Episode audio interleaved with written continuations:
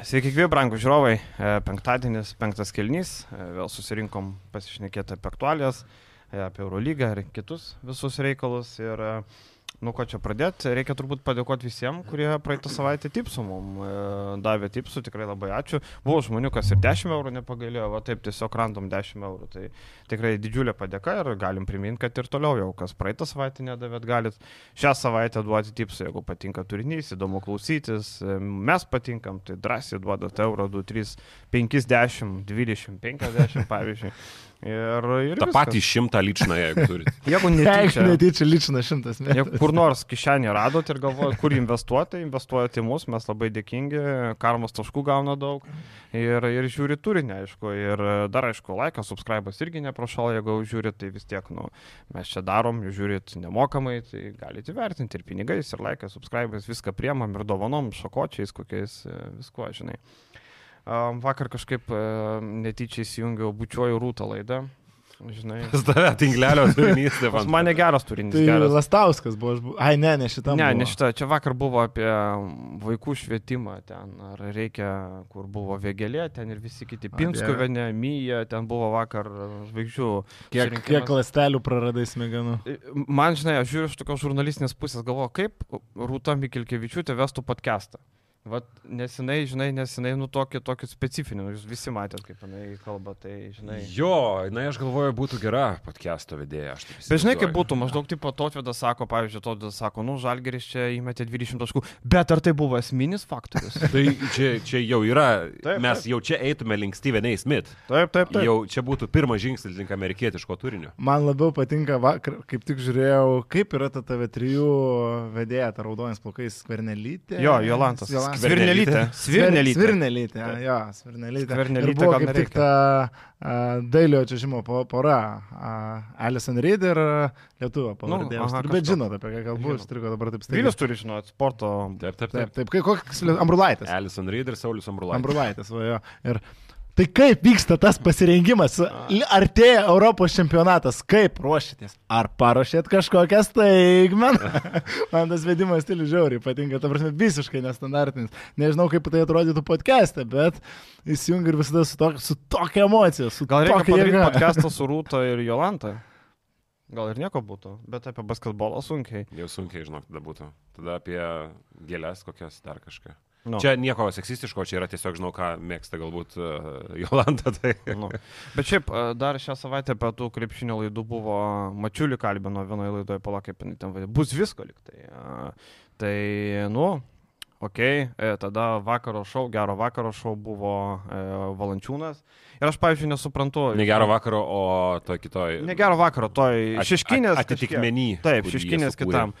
Uh, nežinau, ar jūs man pritarsi, bet tu pasikvieti žmogų. Kelintais metais valančiūno draftino? 11, E, 12? Du vienuoliktais Nu, gal. žodžiu, ir tu klausi, kaip jautėtės, kai jūs pakvietė naujokų biržai.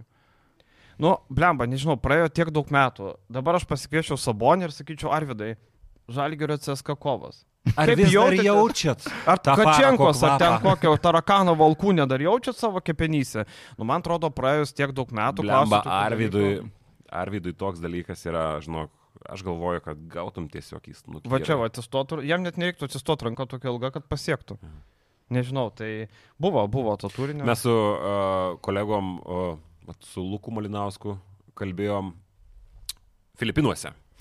Uh, pris nežinau, ar tu girdėjai ar ne, bet mes labai daug diskutavom, kiek reikėtų pinigų pasiūlyti, kad uh, po pralaimėjimo Palauk, čia mano iškeltas klausimas ir Ne, yra su šokiu. Su šitu tai aš sugalvojau. Ir paskui mes labai diskutavom, bet mes pirmą kartą šitą aptarėm su Malinausku, jeigu neklystu, kad po kiek reikia tau pinigų sumokėti, kad po pralaimėjimo serbam tu tiesiog prie Jono Valančiūno prieitum, neklausimus uždavinėtum. Jonai, pralinksmėkim. Padarom tą tik toko judesį. Nu, tiesiog nufilmuojam ir padarom, vietoj intervo įkeliam. Kiek reikia sumokėti, kad žurnalistas save gerbintis. Vat, Ir vat. tada prasideda Valančiūnas, kas jis, už kiek atgarai prieitum prie po pralaimėjimo serbam prie Kazio Maksvyčio ir sakytum, treneri, pralaimėjimas, pralaimėjimą, bet gal gali pizdu, nu, būna pralaimėjimų, bet, nu. nu. Nu, Blamba, ne, ne. Nėra Dešimt sumos. Padarai? Ne, ne, ne. Nu, O po pergalės. Bet tai čia klausyk, nu po pergalės galima, gal Po pergalės bairį, nu. Mes Po sakėm, kad po tai- pergalės mes įviniotume gerai, nes Špydicą padarau. Nes po pergalės tiesiog visų nuotekėlės, gerda, jeigu ketvirtfinalį pergalė būtų buvus prieš serbus, reikia, nu, sveikinimui tiesiog kažkokiam tai gimtadieniui, nu, tavai padaryk. Motejūnai. ir varo, gal, nežinau. Po pralaimėjimo sunkiau.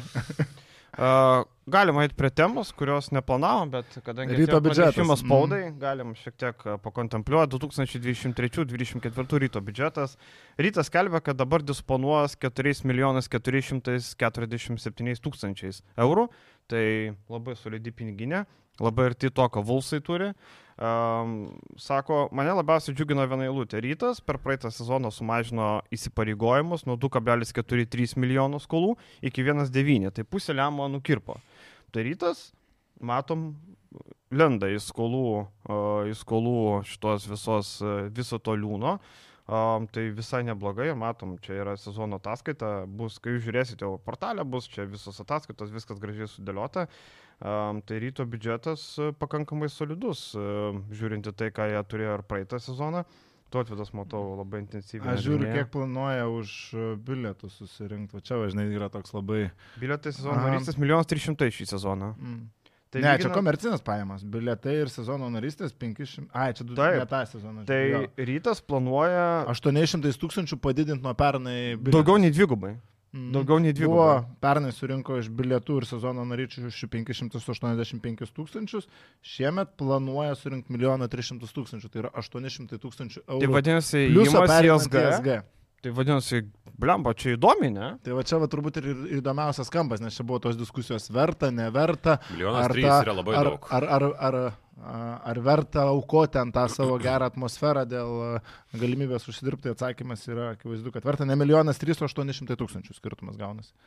Ir šiaip žiūrint, Bet lyginant, vis tiek, vis tiek tai yra daug, 800 tūkstančių. šiaip lyginant išlaidos e, rytas e, žaidėjo kontraktam tik pa 2 milijonai 80 tūkstančių, ne? Praeitą sezoną buvo 1,919, tai realiai labai panašiai, niekas nepasikeitė, reiškia, rytas surinko komandų už tiek pinigų, kiek ir, e, kiek ir praeitą sezoną. Ir viskas labai, mes, reiškia, labai teisingai suprantam rinką. Tarkim, e, aš ir kai rašiau tekstą, ir mes kalbėjom, kad e, realiai išlaidos labai panašios. Tarkim, jeigu Markusas Fosteris buvo įsiskrinti figūra, bet jo alga buvo apie 160. Tai dabar tokios figūros nėra, bet buvo investuota gal Kaului daugiau sumokėta negu Friedrichsonui, pavyzdžiui, arba Varadžiui. Tada e, tas pats Horsby 120 maždaug kainavo. Tai Ir Biškį 100 taip tūkstančių, kur pliusai gaunasi pliusų iš viso. A, Daug, skiriasi 800 Aš tūkstančių. pataisysiu 600 tūkstančių, nes arenos kaštai paskui atminusuoja. Ai, Ai, okay, okei. okay. Tai vis tiek, nu, jo, esmė lieka ta pati visiškai. Aš su Žibėnu, man atrodo, kalbėjau dar kažkada vasarą. Tai sakė, kad skirtumas yra. Vis tik jeigu klubas eina, jeigu klubas daro, tai skirtumas yra labai didelis. Tai 600 tūkstančių visgi yra tas skirtumas, dėl ko tu gali pagalvoti, jo labiau, kad tu, aš manau, kad kažkiek jau nesi tos, tose pačiose startinėse situacijose, kai tu buvai su žmonių skaičium, su Vilniečių įsivedimu palaikyti tave prieš ketverius metus kažkur. Dabar situacija yra geresnė, kažkiek daugiau teis tave palaikyti. Tom europinėm rungtynėm ir didžiosiom Lietuvos rungtynėm tu surinksi kažkiek žmonių vis tiek, kad atmosfera nebūtų negyva, kaip kad dabar buvo su Vulfs ir Garždais. O LKL rungtynės tu žaisi namie savo arenui. Tai aš manau, kad labai... Jo, lab viskas- čia aš įsivaizduoju, yra toks saugus variantas, dar pasirinktas, kiek tu surinksi, ten tikrai neskaičiuota soldautai kažkokie su žalgiriu ar ten su vulus.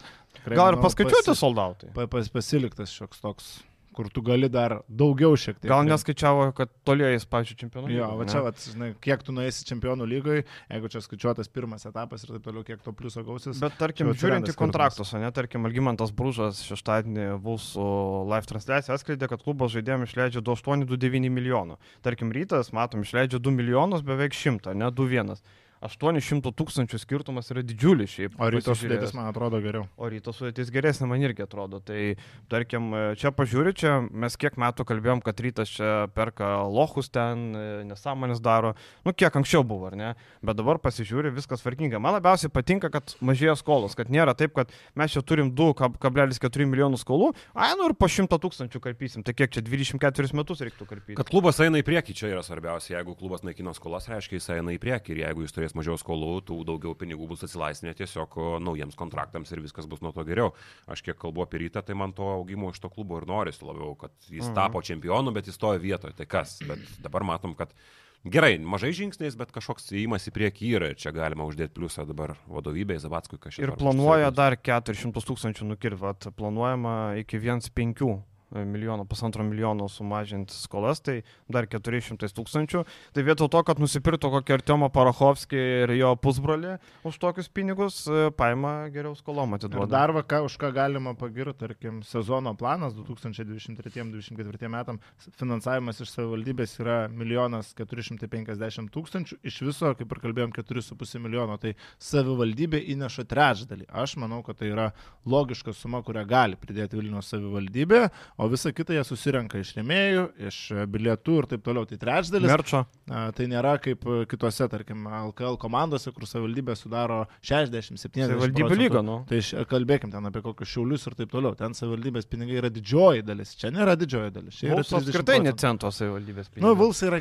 Bet manau, kad kitiem metam tikrai teiks kažkokią parašką. Vilniuje nelabai turi galimybės gauti, nes Vilniuje kiek bijau dabar, va čia aišku, labai staigiai mes šitą Mhm. temą pradedam kalbėti, bet a, dėl ko futbolė gaudavo tik tai Vilnių žalgeris, negaudavo riteriai ir taip toliau, nes yra įstatuose, man atrodo, kad tik vienas, a, vienos sporto šakos komanda gali gauti paramą iš savivaldybės. tik vienos. Bet Okay. va čia, sakau, mes Ta prasme, viena komanda iš tos pačios sporto Taip, šakos. Tarkim, gali Viena krepšinio, viena Vienas fulės. krepšinis, vienas futbolas, vienas tas. Ir... Bet ar čia teisingai? E, Dar jau nežinau. dar Ar vienas yra teisingai. dalykas, kad e, pliusas gavosi praėjusio sezono nuo bilietų ir arenos, e, arenos kaštų e, daugiau nei 300 tūkstančių. Tai taip grubiai sudėjus, rytas pasikelia savo finansus lygioje vietoje pereidamas į Avia Solutions Group per pusę, tai yra iki 0,600 tūkstančių plius, jeigu skaičiuosim su išlaidom. Tai tas irgi yra gerai, tas irgi yra įimas į priekį, kad tu skaičiuoji, kur ištrauk papildomą pinigą.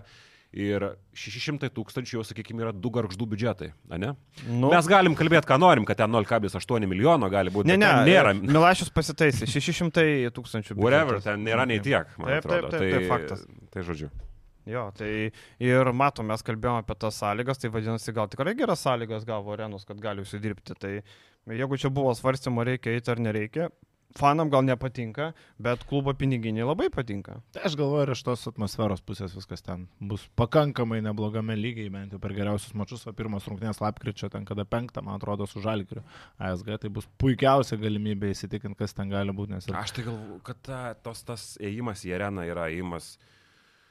Nu, užsidarimas tas savo tam stiklainėlį irgi nėra gerai. Nu, Tai mes šiandien kartu kalbėjom, šiandien kartu visi tą kalbėjo, patį kad jeigu tau tinka žaisti 2,5 tūkstančių arenui, tai kažkas yra negerai. Tada, nu, klubas turi matyti platesnę viziją ir dar iš to gali uždirbti. Aš tai tik tai už šitą sprendimą ir man jisai patinka. O kalbant apie SG areną, žiūrėjau reportažą e, Vulsų paruoštą apie rungtynės su garždais. E, nematėt, ne? žiūrėjau, ir aš. Lina- Nauja vedėja ten. Lina. Talžūnai, Jo, taip, jo. Andrius Talžūno sesuo, jeigu žino Talžūną, tai pildyk veidas. Teko toksai. googlinti, aš ir man irgi sakė, kad čia jos visos. Jo, jo, toks. Čia jau mano- YouTuberis. Čia jau mano spraga žinojimo buvo. Jo, YouTuberis pildyk, veidas vienas iš veidų pildyk. Tai e, pasižiūrėjau, blemba, jie pasiruošė tikrai neblogai. Pavyzdžiui, žmonėm atėjusiam ten vaikam nemokamai gali tą krepšį mėtyti, kur šiaip kainuoja eurus ar ne, e, tą žaidimą, tada ten piešiniai, tatuiruotės, viskas.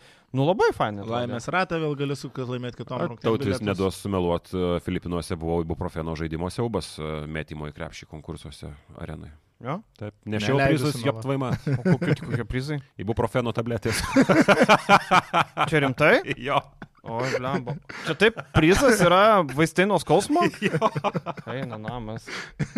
Lisiautė. Siautė, dominavo tiesiog. O tai čia Praktiškai tipo remėjas kontraktą buvo tos gavo. rubrikos? Jo, jo. O Jėzus Marija, nu.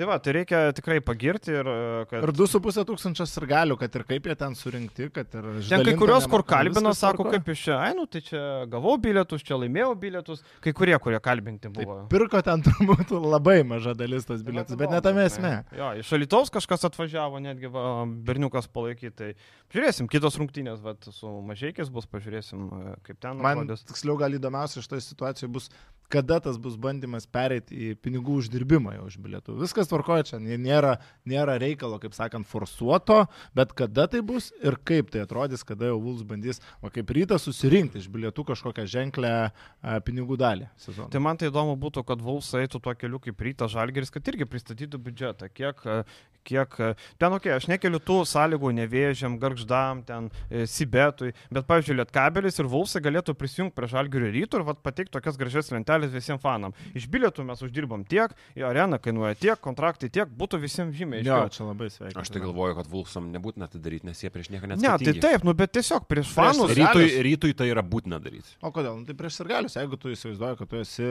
vis tiek tu dirbi ant sirgalių, tavo tikslas yra turėti kažkokius sirgalius, tu tai komunikuoji, tai, tai koks Ir tai skirtumas, mažina ar sir- Ar, spekuliacijas. sir, ar sirgalių a, 300 tūkstančių ar 3 tūkstančiai, nu, tai vis tiek yra tavo klubo sirgaliai. prieš Bet ar tikrai skirtumas? Bet ar tikrai yra? Beje, galima panonsuoti, kad Žalgiris irgi trečiadienį pristatys. Taip. Kaip tik gavom laiškus, Taip. kad Žalgiris irgi rengia spaudos konferenciją, kur bus pristatytas biudžetas, kur, manau, Jankūną tarkos visi dėl naujoko, jeigu dar nebus. Kas bus, kada Taip. bus Jo, ir ir koks perėsim prie šito, tik tai, vat, pavyzdžiui, jeigu Vilius sako, Vulfsai nebūtinai, okei, okay, jie privatus klubas, tarkim, ne. Bet žmonėms patinka skaidrumas, žmonėms patinka, kad viskas aišku, ar ne.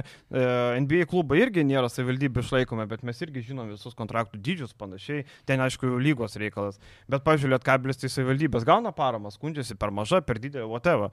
Bet tai yra savivaldybės irgi. Nu, parama. Lietkabelis tai jau visai kitas klausimas. Jo, Nu. turėtų man. Tai sakau, man tai atrodo, kad visiems tada mes matom biudžetas, nes dabar, žinai, tu sėdi prie stalo spėliojo, čia tiek, tiek. Dabar gerai, kad, vat, pavyzdžiui, bent jau Algymantas pasakė, vat, kiek, kokie turi išlaidas žaidėjim ir panašiai. Nes ten buvo kalbų, neatsimenu, kas ten susišnekėjo, kad čia Vulfsai turi milijoną atsargoj, čia gali Čia nupirkti. ponis čia kalbėjo. A, čia ponis sakė. Mm, Šitą, net transliacijos. Sakė milijoną. Ne, tai tikrai pirmas kartas skaičiavas transliacijoje kažką išūdą pasako. Milijoną atsargoj. Nu, jeigu milijoną atsargoj, tai kiek įpirks? Tris žaidėjus, keturis? Ar du po penkišimtus ten iš, iš Eurolygos ištrauks? Nu. Gerai, apie Brasdeikį sakėm dar kažkiek pakalbėsim. Vakar Maksvytis e, dar kartą, pirmą kartą pasisakė, Maksvyčio dar nebuvo citatos, sako, kad nenori pirkti atsarginį, jeigu atsiras, tai nupirksim. Man tas atsiras, o kaip gali atsiras žaidėjas, jūs man galite paaiškinti? Iš NBA atkris. Kristė. nebent. Kris vienintelis atsiradimas. Um, O kitas variantas nulaukti, kol kažkur kažkas pradės braškėti, bet čia jau labai ilgai reikės laukti. Dar NBA lygoje labai dažnai būna, kad yra pasirašyti negarantuoti, not guaranteed kontraktai ir e, jie dažniausiai po treniruočių stovyklų pradeda atkritinėti. Tai galimas dar šitas variantas, ko lauki. Bet uh, yra ir Europoje kažkiek labai skurdžių variantų, bet kažkiek jų yra. Aš gal nesureikšminčiau to kazio atsakymą, tiesiog čia buvo, kad nusimes tą klausimą, jis nieko nenorėjo atsakyti. Atsikabingi, idealiai tiesiog. Maždaug sakė. kažką pasakė, kad kažką pabandė sudėlioti, kažkokią protingą mintį ir mes dabar ten galim narpliot po žodelį, ką jis ten turėjo menį, jis ten nieko, man atrodo, neturėjo menį, tiesiog norėjo nusimesti tą klausimą, nes šiuo metu dar atsakymo nėra ir tiesiog belieka laukti. Ir šiaip Žalgris yra, man atrodo, kad gana pajėgus pradėti sezoną pats vienas. Be Brasdeikio, be... Vakar naujo. Longas mane gazina šiaip, jeigu taip jau pažiūrėti. Bet dėl ko? Dėl prasto pataikymo? Nu, man Mm, Pataikymas į sprendimai, žinai. Tarkim, jo tie metimai, jis būtinai nori pataikyti. Vakar ten per rankas daug tų trajekų metą. Nu, suprantu, laisvas, okei, okay, bet per rankas ką me- mesti, žinai. Uh, nežinau, Mitro Longas šiaip nu, nepasižymi stabilių, jis nėra stabilus žaidėjas. Nepaisant to, kad Milanė kiek, kiek žaidė, bet būdavo mi minus 10 balų, bet būna po to plus 20. Tai man va tas Mitro Longo nestabilumas nepatinka. Pavyzdžiui, vakar Dimšo atrodė gerokai geriau už Mitro Longo. Jo, jau tikrai džiugina, kad kol kas ir sezono starter, kaip mes matėm rinktinį ir praeito sezono pabaigoje, man atrodo, jis dar yra žengęs šiokį tokį žingsnelį priekį, lyginant, tarkim, su praėjusio sezono startu ir šiemet jo vaidmuo bent jau iki kito naujoko pasirašymo gali būti tikrai išaugęs. Bet, o Davidas Gedraitis, nu, atleiskit, bet man Neurolygos žaidėjas šiai dienai, jūs žiūrėkit kaip norit. Tai nepaisant to, jis gauna tų šansų LKL, bet, nu, net nei prieš Uteną, nei prieš Garždus nežibėjo, netgi prieš tokias ekipas, kur lengva, kur atrodo didelis skirtumas žaidėjai, tada visiems kortą eina, ten, man atrodo, įmestų belekas išėjęs. Pats bet- Danielius Lavrinovičius net nekrito iš konteksto, taip, visai taip. kokybiškai atrodė iš tikrųjų. tas- visas pasirinkimas pakankamai neblogas ir čia žiūrėsim, ar dar neteks atsimti žodžių, nes kol kas jisai gauna žaisti. LKL kažkiek. gaus, panašu, kad gaus. Jo, ir aš atsimenu, sakiau, kad, kad jam nevertėjo, eit, bet žiūrėsim, ar čia nereikės atsimti savo žodžių, nes jeigu jisai LKL bent jau gau žais, tai jau yra solidu. Vakar, Sakyk. su tokim ten menikų negražiai atrodė. Mm. Ten įdūrė su pirštu į akį. Vraneš. Vranišas atrodo, jo. E, tai taip negražiai atrodo ir sako, blogai atrodo akis. Tai jeigu blogai, tai čia bloga naujiena, nes šiaip e, su akim, nu bent jau savaitę, nu reikia tikėtis iki Eurolygos mačo pastatysim koją meniką, nes atrodo tai neblogai menikas. Jo, atrodo jisai labai kokybiškai ir tarkim mes kalbėdavom jau seniau, kad va, ketvirti numeriai išplečiantis aikštę labai svarbu, bet Brady Menikas tai daro kitam lyginiai. Mes turėjom Kavano, ar ten nekalbu aš apie Polonarą tą patį, kur nusivylimų galiausiai tapo. Tai Meneko metimo technika, išmetimo greitis. Vakar kaip tik tik užfiksau vieną epizodą, kur a, a, gauna jis kamuolį prie, prie tritaškio ir yra nusimetimas, ekstra pasas, kur Barots Lekavičius geresnė padėtė, bet jis vis tiek metams, nu ką tu darai, paskui pataiko. Ok, galvoju, gal Menekas tada yra tas variantas, kuriam nebereikia ieškoti nieko met ekstra paso, jeigu jis turi galimybę mesti, jam reikia mesti. Tokių žaidėjų žalgerį, kurie neieškotų geresnio komandos draugo esančio, ger, geresnėje padėtėje esančio komandos šal, draugo šalia, nu, žalgirį mažai būdavo. Tai jo pagrindinė stiprybė ir yra metimas ir tas metimas yra aukštesniam lygiai, tas metimas yra toks geras, greitas, kad jis gali nenuleisdamas kamulio. Šiaip krepšiniai čia yra stipriai vertinamas dalykas, kai tu išmeti nenuleisdamas kamulio gali tai padaryti, tada jo šalia to yra ir atletiškumas kitam lygiai, nei kad buvo, nu, nepaisant to, kad jis pakankamai gal mutsnas gali atrodyti, pats menikas, nu, jis netrodo labai atletiškas, bet jis turi fizinės jėgos, jis turi nemažą, nu, normalų kaip tokios pozicijos žaidėjų šuolį, tai jis yra atletiškesnį ir daug geresnį TC versija. Kitaileris Kevano, aš man atrodo, yra Meneko versija iš AliExpreso. Aš taip pasakyčiau. Tai dabar Žalgeris čia turi patobulinimą gerą. Nepaisant to, kad jis šiaip Europoje žaidęs labai mažai Menekas, bet iškart matosi, kad jis duos rezultatą. Tiek, kad kitos jo žaidimo savybės ten, kiek jis bando žaisti veidų į krepšį, jeigu ten klausautė per arti prie jo prieina, metant iš trijų taškų zonos, nu jau sunkiau sekasi. Ar ten būdos aikšteliai, tai vad kaip tai atrodys Eurolygos lygių, kur nu, tos gynybos rotacijos tikrai geriau veiks nei LKL komandos ir kur tų metimų jam taip lengvai niekas netiduos, kaip jis išnaudos kitus žaidimo aspektus, nes juos reikės išnaudoti, jeigu prieš tave prie tritaškio lips tavo ant galvos. Tu kažkiek turėsi bandyti verštis, kažkiek bandysi, turėsi bandyti duoti ir kažkokios kitokios naudos. Tai va čia vat, bus įdomu. Vakar tik krepšio bandė skučius atakuoti neblogai, sustovėjo ten keliose situacijose, bandė, bandė ten e, atakuoti.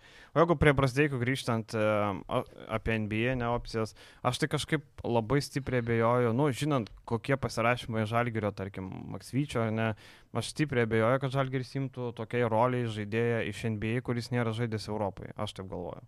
Ir tokiu metu, kur dar gali tą žaidėją apšaudyti kažkiek visą vasarą, o dabar yra sezono metas, kuomet tau jisai turi deliverint atvažiavęs, tai aš kažkaip galvoju, kad tai gali būti žaidėjas iš Europos, bet man dar labai norisi kalbėti, kad uh, labai daug prikalbėta buvo ir jūs su Jaručiu kalbėjote, ir kitose laidose kalbėjo žmonės apie tą Brasdeikio perdavimą.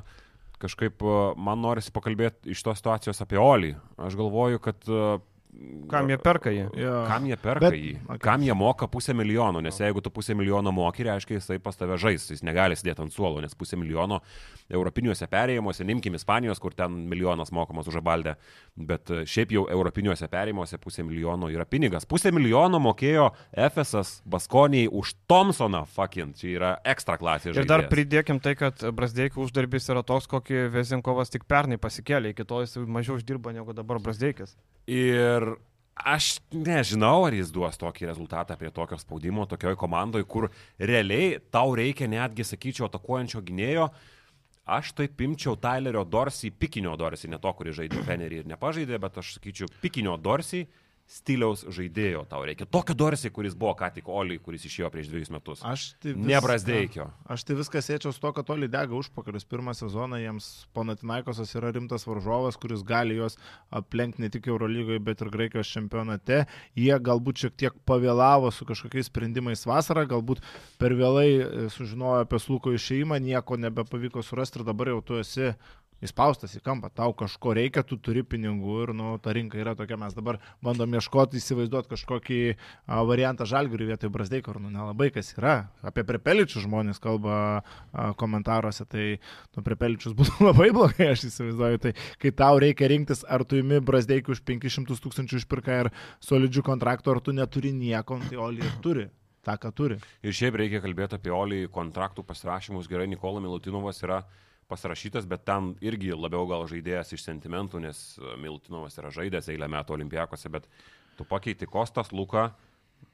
Kuo, na, Žilo Viljamsų Goso, labai prastas pasirašymas. Apie prašiausius pasirašymus Tada dar kalbėsim. Tu paimi antroji vietoje, antroji pozicijoje, antroji, trečioji Igna Brasdeikį ir tada Vezenkovą tu pakeiti Sigma. Nu, dėl Sigmos, okei, okay, dar galima pasiginčyti, bet šiaip jau uh, nu vasaros darbai tai labai prasti, aš sakyčiau. Ir iš e, komandos, kuri jeigu būtų gerai sudirbus, nes pinigų ten yra, jeigu jį būtų gerai sudirbus vasarą, nu aš laikyčiau šitą komandą bet kuriuo atveju, nepaisant išvykimų, pagrindinė kontenderė laimėti Eurolygą. Dabar aš juos sunkiai matau pirmam ketvirtį. Tai esmė dabar jam Brasdeikis su sezono kontraktų išpirka šiam sezonui, tarkim, kainuoja pusantro lemo beveik gaunasi. Mhm. Tai ką tu vasaros gali, pradžioje gali už pusantro lemo nusipirkti į kosminius žaidėjus, Sakau. tu gali varžytis dėl visiško elito. Aš nesakau, kad Brasdeikas kažkoks prastas, jis turėjo neblogą sezoną, mes tikimės, kad jis kils į viršų, tobulės, pas Brasdeikis irgi viskas su to yra tvarkoje, bet pusantro milijono yra pusantro milijono. Ir žinai, man va, tas suvokimas atėjo, kad e, kiek, kiek daug yra pusė milijono europiniuose perimuose tarp klubų tarptautiniuose, kad, sakau, nu, Darius Tomsonas pernai buvo vienas geriausių visos Eurolygos žaidėjų, čia tikrai nebrasdeikio lentyną ir FSS biški daugiau nei pusę milijono už jį sumokėjo išpirkos, tai čia tiek pat tokia, tokia pati suma perimo, tai kosmosas, kiek žalgeris, nu, gerai gavo iš tos situacijos. O Žalgiris, okay. Matai, Oli e, Gosa kvietė kaip papildomą gynėją, ne vietoj Sluko, nes Gosas buvo pasirašytas gerokai anksčiau. Tai realiai Sluko jie matė, kad Gosas padės Slukui, padės Vokupui, e, gal toj antroji pozicijoje padės ar ne su Kenanu. Dabar, aišku, Brasdeikis kaip ir tampa vos ne Sluko pamaina, ne ta pati pozicija, bet, bet į tą tuščią vietą. Matyt, taip Aš tai gaunasi. sakyčiau, kad tiesiog pozicijos persistumė. Žaidėjų vaidmenys persistumė ir jie nieko neieškojo Luko vietoje, jie pamatė, kad kompensuoja Nadžialas Vilmsas Gosas ir to gana. Aš Bet manau, kad to nebus gana. Užėmė. Aš irgi realiai tos kūrybos to trūks. Nu, Vokupas yra žaidėjas, bet jis žaidėjas toks užduočių vykdytojas. Atsivaryti kamalį kažkur paduoti, pasi nėra laisvos kūrybos, pasi nėra to polėkio, kokį turi Lukas. Nu, mažai Eurolygoje žaidėjo tokį polėkį turi kaip Lukas apskritai. Tai Jo, ir šiaip Brasdeikis, nu ką, tai dabar bus startinis atakuojantis gynėjas, ar jisai bus su, su Papa Nikolavo. Ten dar dėl? Makisiko, Twitterį kažkokia plėtkai vaikšto, kad ten neaišku dėl jo padėties, bet tai nėra Tai. Ištraumuotas? Jis ar- traumuotas. Jo, jo, bet jo Bet kad tipo nereikia jo. Kad, kad jo nereikia ir taip toliau. Tai kažkokie patikimi įrašė. šaltiniai, bet, bet, bet Makisikos ateitis Olimpijakos dar irgi nėra aiški iki galo. Jo, Žalgeris e, turi kažko ieškoti, nu, pažiūrėsim. Bet vėlgi, Prasdeikio praradimas netampa kažkokiu, nežinau, kosminiu nuostoliu. Jeigu mes prieš sezoną, va čia kas nors Kinaną Evansą būtų išpirkę, va, sakyčiau, šakės. Pirmia, visas sezonas byra. Dabar tragedijos daryti iš to, kad Brasdeikis išeina, manau, nereikia. Taip, Nazas Mitrolongas sutinku, kad šiek tiek gal dar neįsivažiavo iki galo iš jo tikimasi. Bet jis ir daugiau. nebus stabilus žaidėjas. Bet e, e, ką aš norėčiau, tarkim, šitoje situacijoje, kad, tarkim, Kazis Maksytis sako, kad reikia garantuoto žaidėjo, kuris iš karto duotų naudą. Nu, aš kaip tik galvoju, kad mes turim tą sudėtį, kuri jau dabar gali žaisti gana kokybiškai. Ir tu gali šiek tiek parizikuoti šitoje situacijoje, vat kaip tik pasimti žaidėją su a, aukštomis lubomis, su didelė rizika, tu gali jo šiek tiek palaukti, tarkim, pirmas šovės į galvą variantas Emanu- Emanuelio Mūdijai situacija. Dabar tu tokį žaidėją gali savo leisti, kadangi tu galėsi jo šiek tiek palaukti. Ta sezoną Žalgiris negalėjo laukti Mūdijai, nes tai buvo žaidėjas atvykęs į pagrindinį žaidėjo rolę, visa komanda turėjo stovėti aplink jį, jam pirmie metai, a, treneris Martinas Šileris ir viskas grūna. Dabar tu įsimestum į savo sudėtį tokį Emanuelį Mūdijai, kuris palaipsniui žingsnelis po žingsnelio įsivažiuotų ir gali išloštum labai daug. Tai aš va, link tokio varianto šiuo metu Žalgirio vietoje galvočiau, kad reiktų eiti. O ne jokie prepeličiai ir ne jokie ten, nežinau. Jo, prie Peličių tokie nuvaryti arkliai nereikalingi. Nors pasaulio čempionai gerai žaidė, bet nu, šalia Dončičiau, žinai. Um, Šaras irgi išvažiuoja į NBA, jeigu NBA prakalbam, Rokas Pakenas vakar vat, paskelbė, kad mėnesį važiuoja stažuotis į Sacramento Kings komandą. Um, šiaip matom, kad Šaras uh, nori dirbti, nenori tinginiauti visą laiką. Um, manęs tai nenustebino, kad važiuoja, e, bando pramušti naujas rinkas turbūt, ne? Nebūtinai. Mm, Gali tiesiog plėsti akiratį kontaktų sąrašą. Čia labai daug net nėra kalbėti, ko gero, apie šitą, nes tiesiog įvairiausių priežasčių gali būti, gali būti gilinti savo žinias, plėsti kontaktų sąrašą, kažkokius tai, kad tu būtum MBA rinkoje jau kažkiek galbūt žinomas, tada tiesiog trenerio įgūdžiai pamatyti kitą krepšinio virtuvę, kaip kad Gytis Vilius. Nu, jis neketina teisėjauti NBA, bet jis važiuoja teisėjauti į vasaros lygas. Tai tas akiračio plėtimas visada yra gerai. O Tai, kodėl jis neketina NBA? A, Aš nežinau, ar jis ketina, ko gero Kodėl ne? jisai, aš nežinau, o tai tokie numečiau. O įdomu, o va įdomu, kaip, NBA, kaip Eurolygos žaidėjom, tarkim, NBA sėkmybė, o įdomu teisėjams, yra sėkmybė NBA dirbti ar ne. Ten aišku, pinigai didžiuliai, bet ir spaudimas, bet ten kažkiek turbūt teisėjauti yra... Aš nežinau, ar ten spaudimas labai didelis. Ne, nuspaudimas iš to, kad Ten ten, ant tavęs treneriai taip nestaugia. nu matai, ten nėra. tu daugiau gali padalinti visokių, žinai, ir Mhm. panašiai, bet ten irgi yra tai, kad, pavyzdžiui, Eurolyga kiek kartų paviešina klaidas. Paviešina vieną kitą, nu kur jau ten, ten tarkim, kad Mirotičius užmynė prieš tą pergalingą tritaškį, labai mažai NBA pastovi viešina. Šitas teisėjas suklydo šitom epizode, likus dviem minutėm tas NBA gerokai daugiau gauni to tokio tavo klaidos labiau rodo pirštais negu Eurolygai. Kas dėl Šaro, tai aš visiškai su Vilium sutinku, kad čia yra labai turbūt geras įimas, šiek tiek išeinant iš savo aplinkos, nes tu dirbai Eurolygą, tu žaidi prieš tos pačius trenerius eilę metų, tu žaidi tose pačiose schemose, verdi tose pačiose sultis ir čia tu staiga esi vėl kitoje aplinkoje, kur žmonės dirba kitaip, tu pamatai kitokį akiratį, praplėti savo kažkokį mąstymą, tai tas mėnesis laiko Šaro jaučiu bus gal naudingesnis negu pusę metų vadovaujant Barcelonai, nes, na, kaip ir sakau, ten viskas yra tas pats per tą patį, tu vėl žaidi prieš Čiusą Matėjo, tu vėl turi dvigubą Eurolygos savaitę ir tu paskesti toje rutinoje. Mes apie Dainio Domaitį kalbėjom, kad ką jam duos Japonija kaip treneriui. Aš manau, kad duos. Tai taip pačiai,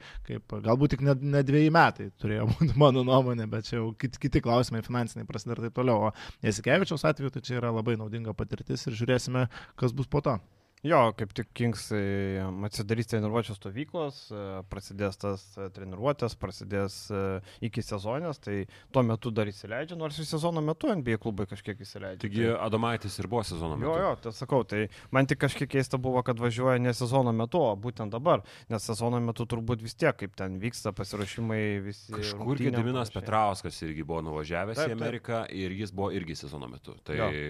Tai būna. Petrauskas su Clippersais turi kažkokių kontaktų. Tai... Nežinau, bet, bet jis ne... tikrai buvo NBA. Jo, jo, buvo, buvo. Tai pažiūrėsim, gal Šaras tiesiog mėnesių, kai nuvažiuoja, nežino, kad per artimiausią mėnesį niekas trenerių net leis Eurolygoje. Tai gal dėl to. E, tai galim prie Eurolygos perėti, nes... Prie atleidžiamų trenerių, taip pat. Taip, iš karto einam prie atleidžiamų trenerių. Uh, sakėm, pabandysim paspėlioti, panagrinėti visokius e, kampus. Uh, gerai, Atleidžiami treneriai. Turim e, rinkoje Joanis Vairopolo, turim arogantiškai Trinkierį, turim Šarą, turim Skariolo. Yra tų trenerių ant atsarginių suolo solidžių. Kas pirmas atleis trenerį? Na, aš turiu tris, tur, aš turiu irgi šitą tarptų trijų variantų. Aš turiu tris variantus. Tai Aleksas Mumbrų, Rodžeris Grimau ir Odedas Katašas pas mane. Ir dar nedėčiau garantuotoje punktyrų, išsirašyčiau Belgrado Cerveną Civesdą ir Duško, nes ten bus labai dideli lūkesčiai ir jeigu tų lūkesčių nebus patvirtinimo per artimiausius kelias mėnesius, Duško kėdė irgi gali subraškėti. Tiek Mumbrų, tiek Penjeroje praeitą sezoną kažkiek nuvylė gal, tai aš manau, kad jų kėdės nėra tokios užtikrintos, jos jau išsukinėtom kojom yra iš papraėjusio sezono ir jos nėra labai stiprios, nes abiem treneriam tai yra tik tai antri kontrakto metai. Tai aš pritariu dėl Valencijos ir pridedu dar čia Baskonė, kuri kol kas šiaip jau silpnai atrodo, tiek ir per pirmas abi Ispanijos rungtynės, bet ten apie tai pakalbėsime apie atskirus žaidėjus kalbėdami. Tai ir Katašas, aš neinu niekur giliai, kol kas Makabis netrodo labai solidus. Man atrodo, kad Katašas visada yra tas lengvas taikinys, kuris gali pasipustyti padus. O kiek tikėjimo Grimau turit? Ir tiksliau, kiek Barcelona gali? Aš manau, kad tikėjimo? paliksi tikrai bent šitam sezonui. Aš turiu tokią mintį, kad jeigu tu įimi jauną trenerį, aš nelaikau komandos vadovybės tokiais idiotais, nors šiaip kai kurie sprendimai privertė kelt antakį šią vasarą, bet aš galvoju, kad turi likti visam sezonui, nepaisant visko. O tikrai bus visko, kaip kad sakė, yra laida tokia, tai Taip. čia irgi bus Barcelonoje visko. Ir aš turiu tokią mintį, kad tai gali būti pereinami metai link e, Čiavi Paskalio. Kontraktas baigėsi su Ruskynu ir kitais metais Čiavi gali sugrįžti. Jau buvo interesas, jau buvo pokalbių pradžia šią vasarą, praėjusią dabar jau skaitosi. Ir aš galvoju, kad tai gali būti tiesiog e, pereinamieji metai kažkokie ir automatiškai Barsa liktų su Grimau. Šiaip, e, tarkim, dėl e, Mumbrovo Penjerojos, tai, e, nu, kai, tarkim, Valencija turi šiaip sudėtingą tvarkaraštį, jeigu tai pasižiūrėt, jam, jam, jam Ispanijos lygos, aš galvoju, prieš Tenerife bus reikalų, bet sugebėjo apsilošti. Tai Tenerife 0-2. Bet gavo ausų pirmam turė nuo... Jo. Nuo Žironos. Jo. Su, su Šinsko. O ir antrą pergalę pasėmė vakar. Tai prašau Žironą, kaip startuoja. Tai man Valencija ir Baskonija, jo, peneroja, bet man įdomu, kokie lūkesčiai yra Baskonijos. Ar lūkesčiai yra aštuonetą patek, Brembas kažkaip abejoju. Bet kada ten kantry, e, kantrybė labai didelė vadovų tarpe buvo? Nu, nebuvo didelė. Man atrodo, kad jie nežiūri labai blaiviai, kad šita sudėtis nėra labai gera, nes, nu, jie nepakeitė. Gerai, jie pakeitė Daltoną Homesą, vienintelį gerų keitimų, tai yra Čimo Monekė. Vėliau Cody Milleris McIntyras vietoj Darius Thompsono. Absurdas. Out of box. Uh, Niko Menjonas šalia, pakalbėsim po to, aš čia nukirsiu. Jo, tai va, tai apie trenerius uh, kad ir kaip, pavyzdžiui, aš mačiau, kai kurie lažybininkai spėjo, kad Alba pirmą atleis, bet jie turbūt nelabai gaudosi situaciją, ne? Aš neįsi, ta prasme, tai tiesiog ten nevyksta pokyčiai, kad tai labai blogai. Ne, tai ne. tiesiog- Čia kaip ir TJ Parkeris irgi neliečiamas. Čia yra tokie treneriai, kur, nu, tikrai neliečiami jie yra ir, ir, ir viskas. Čia dė- dėlio kaip nori, bet e, Alba... prasme, Ten ir ne, nesusiję trenerio vaidmuo su...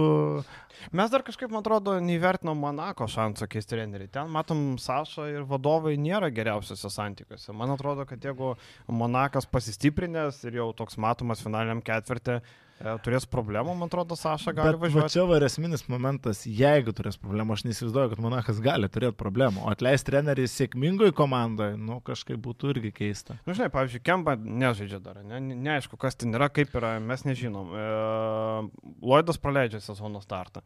Tai kaip jau yra kažkokių, žinai, reikalų, kaip Kornelija atrodys, kaip tarpėjus Eurolygoje atrodys.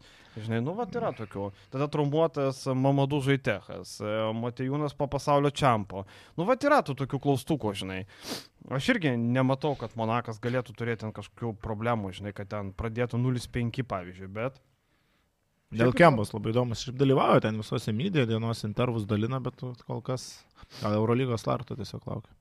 Būtų labai, nu jo, Prancūzijos čempionato legionierių limitas, e, tai gal, bet vis tiek draugiškose nežaidė. Nu, Mm. Visiems labai įdomu, ar Kemba gali žaisti, ar jis čia atvažiavo. Kur buvo informacija kažkada, kad jam bus uh, krūvių limitai kažkokie, uh, rungtynių limitai kažkokie. Prancūzijos galbūt labiau ne čempionatė, nežinau. Tai ar, ar čia neatsiprašau, gal net ar, nežais buvo- ar buvo gandas ar ne, bet kažkaip aš ne, labai nu, nenustebau, kad jis pirmose nežaidė, nes buvo vasara tokie kažkokie pranešimai Prancūzijoje, kad jis gali Prancūzijoje ribotai žaisti. Gerai, e, jeigu e, tokie blogesni, tai na prie geresnių. E, Geri kontraktai, geri pasirašymai, geri pasikvietimai, geri sprendimai. E, Turbūt mes jau Vilius susiminė, Darius Thompsono pakeitimas, kad Mitsa pakeičia Thompsonas, turbūt vienas geriausių įimų, kokį galima buvo padaryti gynėjų grandį, ar ne? Jo, visi iš to sutiksim. turbūt. Visiškai, jeigu Emre Džanas norėjo išlaikyti, o akivaizdu, kad norėjo išlaikyti tą patį žaidimo stilių su savo pagrindiniu pirmo numeriu, tai Darius Thompsonas yra arčiausiai to, ką tu gali gauti vietoje Vasilijai Micičiaus. Fantastiška kūryba, labai neblogas žaidimas vienas prieš vieną, yra kaip gynėjų neblogas a, atletiškumas, aukščiausio lygio IQ, tai yra tie parametrai, kurie visiškai atitinka Vasilijai Micičių. Tik tai galbūt Mica jau yra, yra įrodęs Eurolygoje kaip aukščiausio lygio sprendėjas. Thompsonui dar trūksta galbūt to laiko, bet jis potencialo turi. Tai čia yra pakeitimas, yra fantastiškas, kai tu pakeiti vos ne vieną geriausią Eurolygos žaidėjų, kitų labai gerų žaidėjų, atinkant tą pačią filosofiją, tai čia bravo Efesui. Reikšmingiausias kontraktas visoje Eurolygoje šią vasarą, aš galvoju, kad buvo vis tik labai jau čia papuvęs, žemai suspardytas obolys, bet Fakundo Kampacu yra žaidėjas viską keičiantis ir viską sprendžiantis. Man atrodo, Fakundo Kampaco pasirašymas įstato realą į pagrindinės pretendentės dėl titulo vietą. Jo, tai čia šitus turbūt net nekvesionuojama, vis, abu visi, manau, jos įsirašė, aš turiu tokį vieną, kur galbūt kiti neturės. Aš šaunu Bairnas ir Karsenas Edvardsas. Tai vėl toks variantas, kur tu žaidėją pasimi iš stipresnės organizacijos, kur jam sunkiai sekėsi įrodyti save, tarsi ir mes matėm tas stiprybės, tarsi matėm, ką jis gali duoti ir aš galvoju, kad silpnesniam klube prie aukščiausio lygio trenerio Karsenas Edvardsas gali tapti tą pirmo ryškumo žvaigždė vedančią komandą į priekį. Šiuo atveju tai būtų Müncheno Bayern.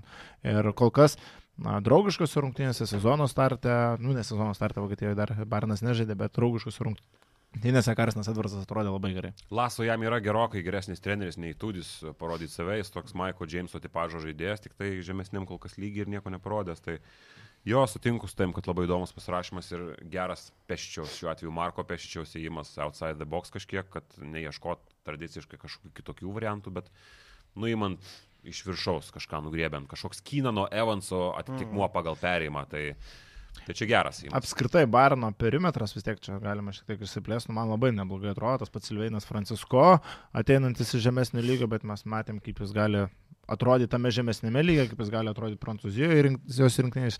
Lieka Nikas e, Veileris Babas, Opstas tas pats, nu, Leandro Balmaro man gal krenta iš konteksto, bet iš esmės šitie žaidėjai, kuriuos vardinau prieš tai, Eurolygos lygių, dar pridėkim Bongą, kuris gali žaisti nuo pirmos iki, gintis bent jau nuo pirmos iki trečios, ketvirtos gal net pozicijos. Ir mes turim visai, visai, visai įdomų vaizdą. Aš dar priskirčiau prie geriausio kontrakto Raulį Neto, bet gaila, kad nežais. Tai buvo tikrai žiauriai geras įimas ir matom, kad jisai FIBA krepšinėje vis tiek yra geras žaidėjas. Matėm pasaulio čempioną ir anksčiau šitam vieną grajų spėjo sužaisti, okei, okay, bet šiaip tikrai būtų tikęs labai tam e, europietiškam krepšiniui, FIBA europietiškas, nesvarbu, e, ne NBA krepšiniui būtų labai tikęs. E, dar šiaip nežinau, Pantnaikoso krūvo tų perimų irgi labai gerų, aš nežinau, man Lesoro perimas labai geras, kaip bebūtų, man ir Vildozos pasirašymas patinka. Ir tai... Juanšo, aš Juanšo. Bet, bet, vat, aš, vat, yra, bus rubrika, nežinau, ką jis čia veikia arba nežinau, ką jis duos. Vat ten galėsim. Man, aš nežinau, Juančia, pavyzdžiui, koks jo vaidmuo, ką jis duos, kur. Ten labai daug gerų žaidėjų ir vat, man įdomu, kiek jisai bus. Ar tai bus 10 balų žaidėjas, ar 15, o gal 5. O man tai čia, žinok, šitoje vietoje, toje pačioje pozicijoje ar panašioje pozicijoje Kostas Antitukumpo, aš sakyčiau, nežinau, ką ten veikia toje komandoje. Bet Kostas, suprantu, Nemanai? idėja, jisai yra toks, tipo, nu, keistis ginamais. Jis, ne, nu, atletiškas centras, Lesoras didelis. Juančio lygiai taip pat gali. Juančio ketvirtas, nu. Nu, Juančio gali keistis ginamais, jis lygiai taip pat. Tai taip, bet jisai, bet žinai, bet yra ten Balcerovskis, yra, ar ne, kuris irgi 4-5, ne Balcerovskis, kaip čia kažkas komentariuose bandė taisyti, jisai yra su C, ne su C. Balcerovskis. Taip, tai va. Tai, nu, sakau, čia tokių, va, yra. Man labiausiai gaila, kad tie žaidėjai dar draugiškose nežaidė. Labai sunku daryti kažkokias išvadas, žinai, nes buvo pasaulio čempionis, taip toliau. Tai bus e, Graikijos super taurė, va, ten pasižiūrėsim. Tai gaila, kad Brateikis nežais. Va. Mm, gerai, tai geriausi kontraktai, aišku, e, gerai, blogiausi pasirašymai. Čia turbūt galima, e, čia galima daug susirasti tokių pasirašymų. Nežinau, nuo ko net čia pradėti turbūt. E, Barcelona visi pjaus, aišku. Visi pasiemė pjūklus, pjaus Barcelonos medį. E, nuo ko, nuo Brizuelos turbūt pradėti. Ne, aš galiu pradėti, aš galiu pradėti nuo Džabari Parkerio. Dar vienas. Ach, nežinau. bet čia prie rubrikos nežinai, ką jis duos. Jo, bet uh, nu, galima jau po truputėlį supras, ką jis duos. Jau praėjo, nu aš asmeniškai mačiau trejas rungtynės jau, tai kažkiek jau lenda tas vaizdas. Uh, blemba, nežinau, tu įmi žaidėją, kuris per paskutinius septynerius ar šešerius metus sužaidė 66 rungtynės, per paskutinius pusantrų metų nesužaidė visiškai nieko. Mes jau kalbėjom praeituose podcastuose, kad nu, žaidėjas, kuris kol kas yra absoliučiai nieko, dabar ta statistika, jeigu pažiūrėtų implikus skaičius, buvo visai nebloga paskutinėse rungtynėse Katalonijos derbys su Žuventudu. Tai viskas buvo ten gerai, 15 gal taškų ar 14, kažkas tokio neprisimenu dabar. Bet, e, Ten per trumpą laiką daug. Jo, bet atkreipkim dėmesį į faktą, kad jis susimetė tiesiog savo metimus iš statinės situacijos. Kiek jis tų laisvų metimų gaus, jeigu jis ir toliau pataikys Eurolygoje, nežinau. Jis po savo nuolatinių kelio problemų, kad ir kada jis tai sakytų, 2017 metais buvo, dabar 2023, jisai pats sako, labai ilgas laiko tarpas praėjo, aš jau kitoks žaidėjas, aš jau pilnai atsigavęs. Tu nesi pilnai atsigavęs, tu nebesi tas pats žaidėjas, kuris buvo reitinguojamas geriausias praktiškai arba antras geriausias talentas visoje Amerikoje jaunasis talentas prieš draftus. Tu nesi tas pats atletiškas žaidėjas, tu nesi tas pats žaidėjas, kuris baksuose rinko po 20 taškų. Taip nėra, tu neturi atletiškumo, tu neturi pirmo žingsnio, tu to neturi.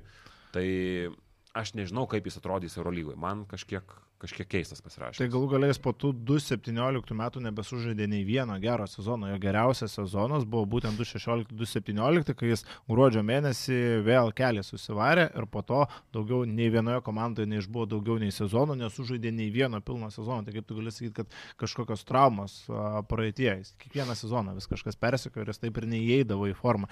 Jis jau pirmais metais turėjo pirmus metus žaisdamas traumą ir okei, okay, net ir su tom traumom jo statistika po biški kilo, kol trečiam sezonui sezone buvo pasiektas pikas ir po to kreivė visiškai žemyn. Ok, dar tik 28 metai, tu kaip ir gali galvoti, kad dar yra potencialo atsitiesti, bet nu, kažkokių bent ženklų turėjo būti prieš tai sezonuose, jų nebuvo. Tai ir jis atvyksta ne, ne kaip, tarkim, Kemba Walkeris į Monaką, kaip papildomas ekstra žaidėjas, kuris gal kažką daug duos. Jis atvyksta teoriškai pakeisti Mirotičius. Jo, ir, tai... ir, ir sakau, tie taškai, o dabar surinkti prieš Badaloną buvo prie aiškių arba žuventudo rizikų, arba nesusikalbėjimų arba tranzicijoje greitų atakų, nu visiškai laisvi metimai iš statinės padėties. Tai kiek jisai gaus to Eurolygoje, aš nežinau, bet kad jis negalės pats ant savęs žaisti, aš kažkaip jau praktiškai linkstu prie to tikėti ir šiaip Dario Brizelą galim prie šito žaidėjo sugrįžti. Dar prie Parkerio pridėsiu, jo. kad e, pernai jisai buvo siūlomas e, Partizanui ir Žalgiriu, kai ieškojo pamainos e, Kevanum. Brizela žaidėjas, kuris atvyksta pakeisti Corey Higginsą. Nekreipkim dėmesio, kad Corey Higginsas uh, nežaidė labai daug per pastarosius dviejus metus dėl skirtingų man Praeitą sezoną klubas- 3 mačai Čia Eurolygos. vėl tas biški išpūstas burbulas, to nežaidė daug, jis gana nemažai sužaidė palyginti. Kaip jis žaidė, taip, čia kitas labai daug klausimas. reikšmingų mačų praleido, labai daug kertinių mačų. Labai Visą daug... sezono pabaigą. Jo, ir tada jeigu paimsim, kiek jisai uh, turėjo minučių ribojimų, nu jis nėra toks. Taip, taip. Jis dar gali žaisti aukščiausiam lygiai po 25-28 minutės. žalgį rimtumėt? Jis gali. Imčiau. Aišku. Ir, Aš irgi ir dar vienas dalykas. Grainys. Šaras, jeigu reikloje, viską žino nulietai. Grainys ypatingai su juo fiziškai dirbo. Tai jeigu reikia, aš manau, aukščiausio lygio komentarai ir e, pastabos kažkokios tai bus. Tai jeigu viskas gerai, aš imu pasičiapsėdamas, merkiu daug pinigų į jį, nes jisai geras žaidėjas vis dar. Bet ar mokėtume 900 su tokia rizika? Nu, tai 900. aš manau, kad rizika kažkiek sumažėja, kai tu mm, turi savo štabe žmogų, kuris labai gerai žino jo visą fiziologiją iš tos pusės ir žino traumų Jo, istoriją. lab- Priklauso LKL nuo gali komentaro, kurį gautų, kurį gautų iš, uh, būtent, Grainio, būtent. iš- Juolap LKL tu gali jam neduot žaisti, ne, iki sezono pabaigos. Drąsiai. Kintamosiose, o sezono metu tegul Eurolygoje skapoja, o LKL tegul e, tas load managementą daryk kaip NBA. Aštuonis tikrai duodu, Nu. užsimerkęs, šimtų procentų. Aš irgi turint, žinai, kaip Barsai reikėjo jo ir Ispanijoje. E, Ten kartais prieš kai kuriuos ten neregistruodavo, bet šiaip jisai žaisdavo. Tai LKL tu gali drąsiai žaisti va, su Gedraičiais, e, Mitrulongais ir visais. Kiek jam kitais. 303 ar 304? dabar 4, man galvoju, atrodo, 304 jeigu neklystu, bet Nu, tai gerai, nesvarbu. Grįžtam prie, prie Barsos. Uh Mhm. -huh. uh, Higginsas buvo imtas su didžiuliu 2 milijonų kontraktu, man atrodo, metinis atlyginimas buvo ten įspūdingas, jis buvo brangiausias žaidėjas, jeigu neklystu, kartu su Nikola Mirotičium, kaip pagrindinis perimetro žaidėjas. Kritus iš išrikiuotės arba ribojus minutės Higginsui, Barsai reikėjo griūk negyvas antrojo elitinio numerio. Jie jo neturėjo ir jie be tokios pagalbos realiai nes jie mokėjo pinigus už vieną ir gavo visiškai kitą dėl Higginso traumų. Jie sugebėjo padaryti pakankamai daug, bet jiem vis tiek trūko gero antro numerio. Ir tu turi ilgametę patirtį, kuomet Higginsas tau yra iškritęs, pasirašai Briselą. Geras žaidėjas, Europos čempionas, viskas tvarkoja, Endesos, sakyčiau, net elitinis antras numeris, Bet Eurolygoje tu esi klubas, kuris siekia rimtų tikslų. Nepaisant to, kad tavo biudžetas sumažėjo, bet jis nesumažėjo tiek, kad tu negal- negalėtum kažko siekti. Ir tu pasiemi Dario Brizelą. Nu, man tas yra labai keista. Ir kol kas jis tau tiek neduoda net Rendesui. E, Vilius apie Baskonį, ką ten matai blogo pasirašymą. Cody Milleris McIntyre'as turbūt yra į tą rubriką, ką jis čia veikia. E, Mes kažkaip, aš, pavyzdžiui, Baskonės, nu, kiekvienais metais tu pasižiūrė, jie prisiperka tų žaidėjų, galvoji, o kodėl paėmė tą, na, tarkim, pernai Kotsarą paėmė, ne? Tu galvoji, blemba, bet ar tikrai čia Kotsaras Eurolygos žaidėjas ir matėm, žaidė tikrai labai gerai. Dabar Cody Milleris McIntyre'as, atsimenu, iš Europos turės kol viskas gerai, bet ar tikrai jisai gali duoti gerą rezultatą? Ir dar nepamirškim, kad jie pasėmė, pasėmė, pasėmė, pasėmė. Metijų Kostelą prieš tai vietoj Eleko Peterso, kur Elekas Petersas tikrai solidus žaidėjas, bet jie pasėmė Kostelą, rado atitikmenį ir nesakyčiau, kad tikrai blogiau a, atlieka savo vaidmenį.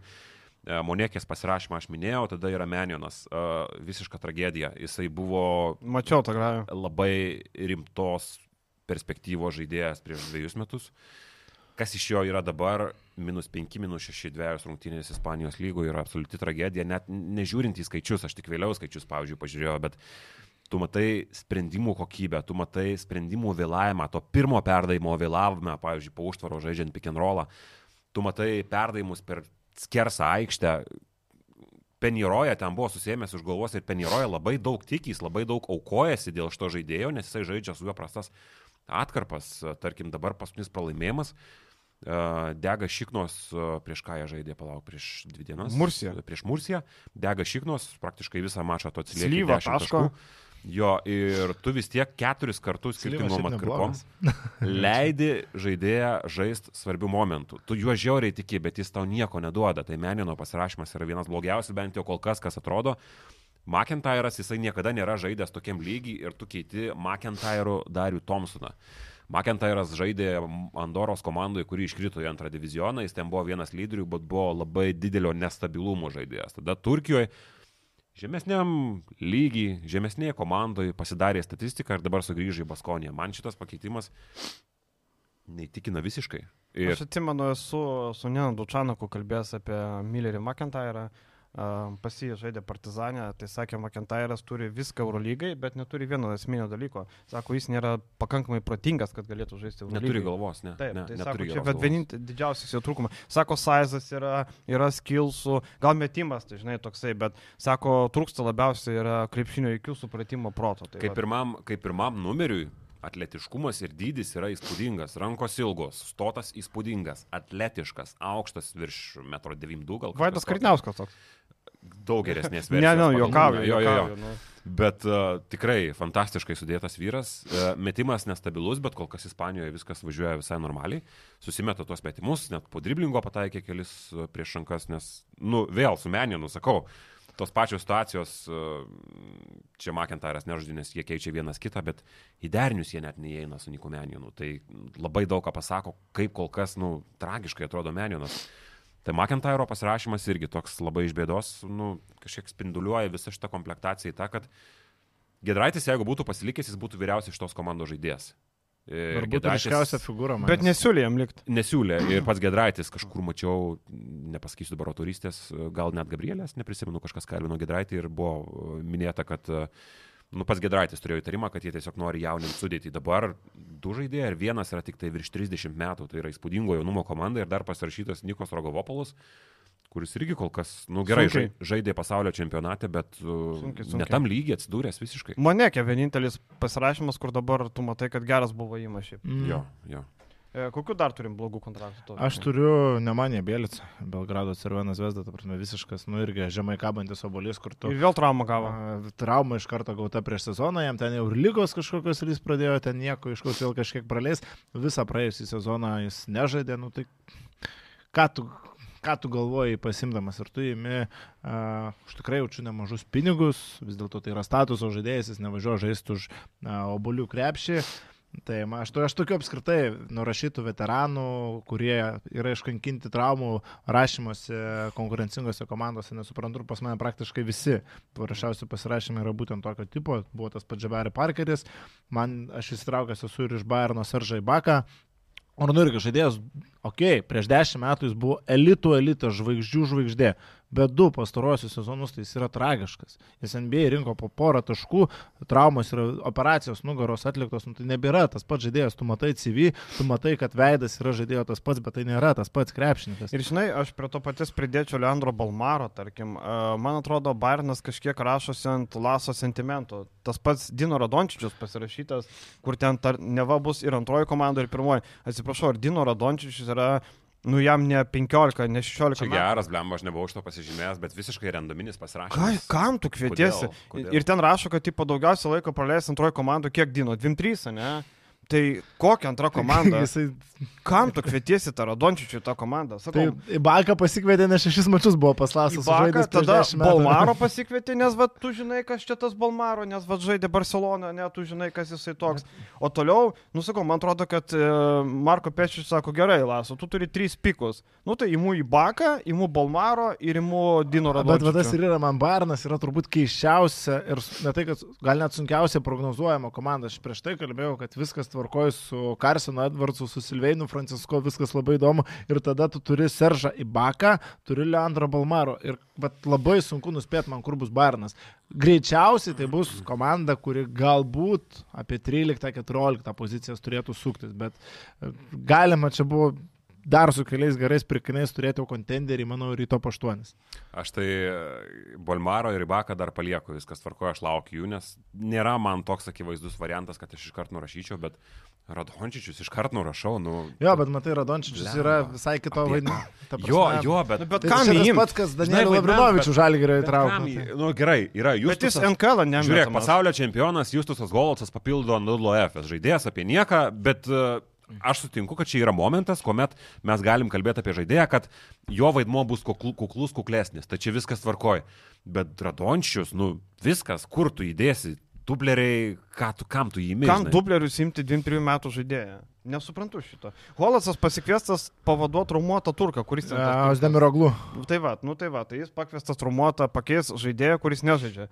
Nu tai, žinai, e, tai čia tokie, sakau, man irgi labai keisti. Dar vienas blogas, aš nesuprantu, kodėl Edvinas Žaksonas pasikviestas atgal. Kokio velnio Kiek jam metų jau? Jis trim, 4, 3, 5, 4, 3, 5, gal net jo. Tuoj pasižiūrim, jis yra 8-9, tai 3-4. 3, 4, jo. Rugsėjo 18 kaip tik sukako 3-4.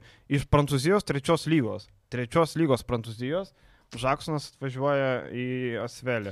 Nu, tai Ir tu turi žaidėjas. kitą Jacksoną, Franką Jacksoną, kuris jau mano akimis yra gana neblogas ir gana įdomus pasirašymas. Tris ten dabar kol kas jau čia Prancūzijoje turi gerus skaičius ir čia yra tas įdomus variantas, kur žaidėjus dėl vienokio ar kitokio priežasčių sunkiai sekėsi adaptuotis NBA, bet kuris tikrai turi potencialą išaukti Eurolygą. Tai irgi vienas pasirašymas, kur labai įdomus, kitas, kur danguščiai pečiais. Tai toks pats kaip pasvelis, toks ir Bayernas. Aš dar pridedu čia ir tą patį Nadželą Williamsą Gosą, šiek tiek išsiplečiant, kad žaidėjas, kuris per e, savo karjerą niekada nėra įrodęs, kad jis gali žaisti elitiniam, Bayernui būtų geras. elitiniam. Eurolygos klube, jis dar niekada neįrodė, kad žais. Mhm. Kažkokie du skirtingi žaidėjai, jeigu mes jį matėm vienam klube Europos taurė, kai jisai elitinis pikinrolų kuriejas, elitinis sprendėjas, žaidėjas vienas prieš vieną aiso situacijos, tai ateina į realą ir staiga tampa žaidėjų apie nieką. Lygiai taip pat, mes jį matėm dar anksčiau, kaip jis į Eurolygą atėjo kaip labai būsimas geras Europos, tarkim, žaidėjas, prie Olimpijakos pirmais metais jį pasirašė, jis vėl tampa žaidėjo apie nieką visiškai pirmais metais Oli.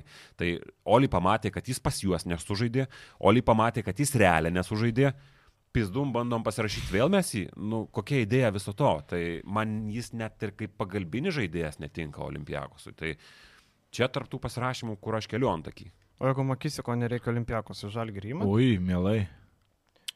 Profilį kaip ir irgi Aš tinka. labai mielai Metimas iš tolinės stabilus, draskantis. Aš. Bėgantis, aš, Aš imčiau užsimerkę šakilą. Ir dar jisai nekainuos Nu, vienas 900, kur kainuos kokius... čia, čia jau staupytum štai. penki kokie, jau Jo, ir tau liktų dar kokie 600 bankė pinigų. Ta prasme, sezono metu gali tau reikia pildytis dėl Taip. traumų, kaip Tai, praėjus. arba kitam sezonui persikelsi. Tai makysi, kad tikrai įmu. Mm. Tikrai, jeigu olimpiakos nereikia, siūsti. Jo, kad yra jau kam pataikyti šitoj sudėti, kaip yra Menekas, yra Nazas, kuris mes tikimės, kad pataikys.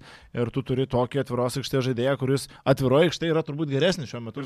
trajekorą Brazdeikis. pridūrė. Daug geresnis. Daug Nu, geresnis. Ta prasme, tai... Ok, mes visada prie, prie, taip gražiai bandau. Ne, ne, geresnis. Mes visi nebrazdėkio fanai. tiesiog. Ne, kodėl? Aš tikėjau prieš šį sezoną Brasdeikių visai nemažai ir, ta prasme, man tikrai kirto, ta prasme, tas, kad prieš pat sezono startą tu išeina žaidėjas, iš kurio tu tikėjai paugimo dar vieną, bet, nu, vertinant visas aplinkybės, kad pats žaidėjas norėjo išeiti, kad Žalgeris gauna daug pinigų, nu, tai ką padarysi. Plus, dar vienas pliusas iš to situacijos, mes turim dar vieną lietuvį.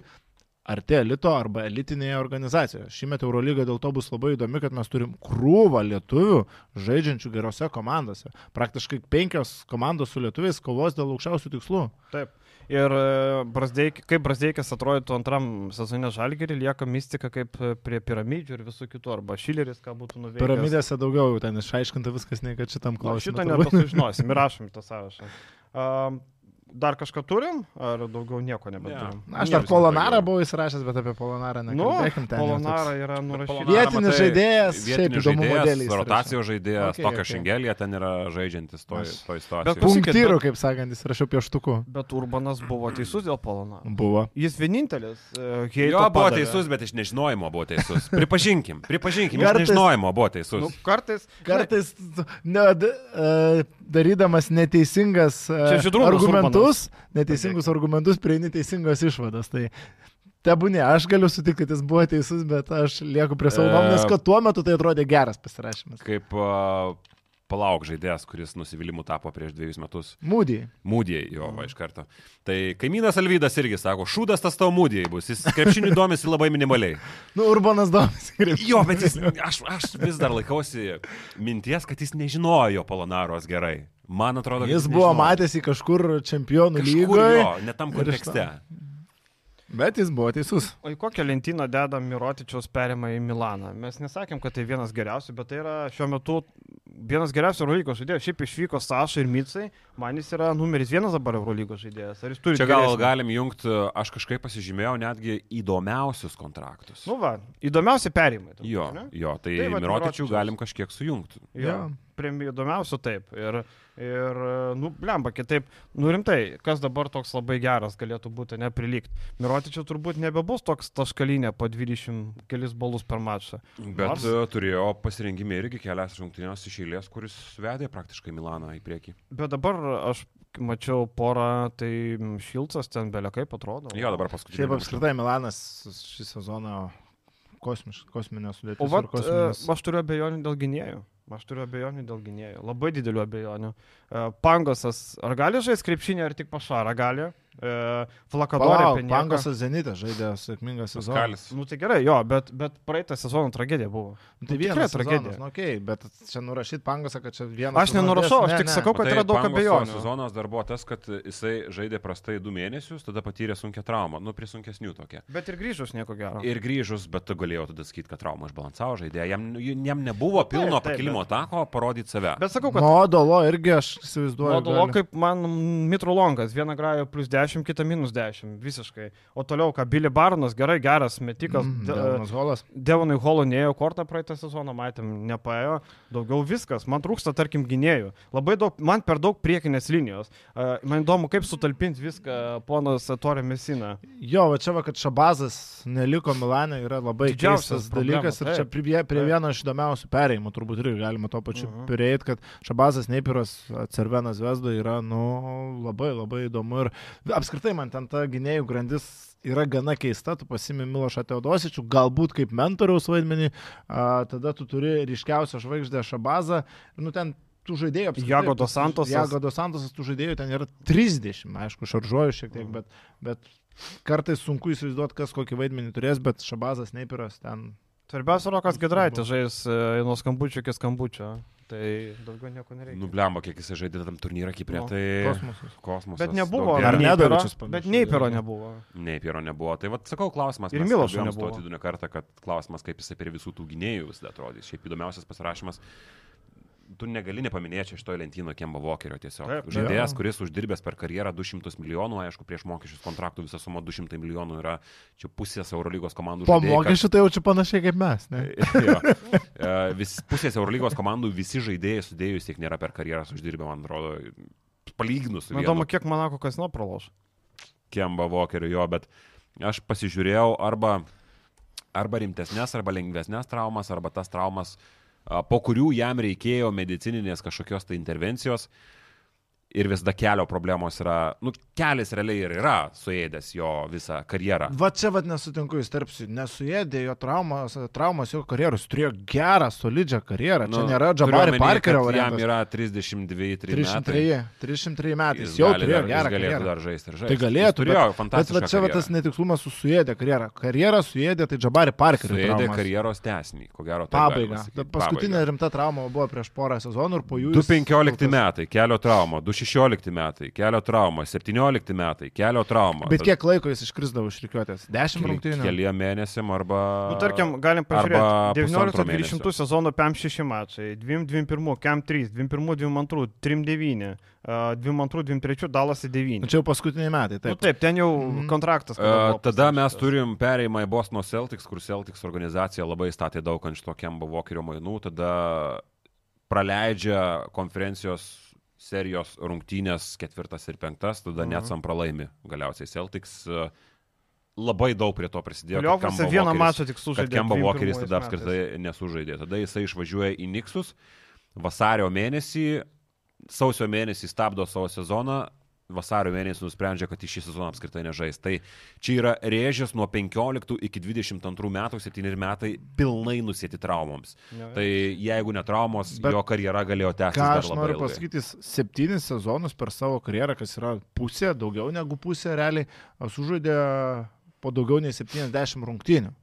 Tai, nu, pusė karjeros buvo Realiai, labai žinot, NBA mačų intensyvumą, dažnumą ir panašiai, tokių monstrų labai mažai, kurie daug žaidžia. Tarkim, Lebronas ten toks mažiau lūštantis, ne? Šarlotė jis žaidė iki Bet šiaip, 216, nu, be didesnių. Kad tie žaidėjai nežaidžia, iškritimų. pasižiūrim, tarkim, kaip Clippersai Leonardą su Džordžu ten vis uh, saugo, ne, ir po to vis tiek nieko nepasiekė iš to.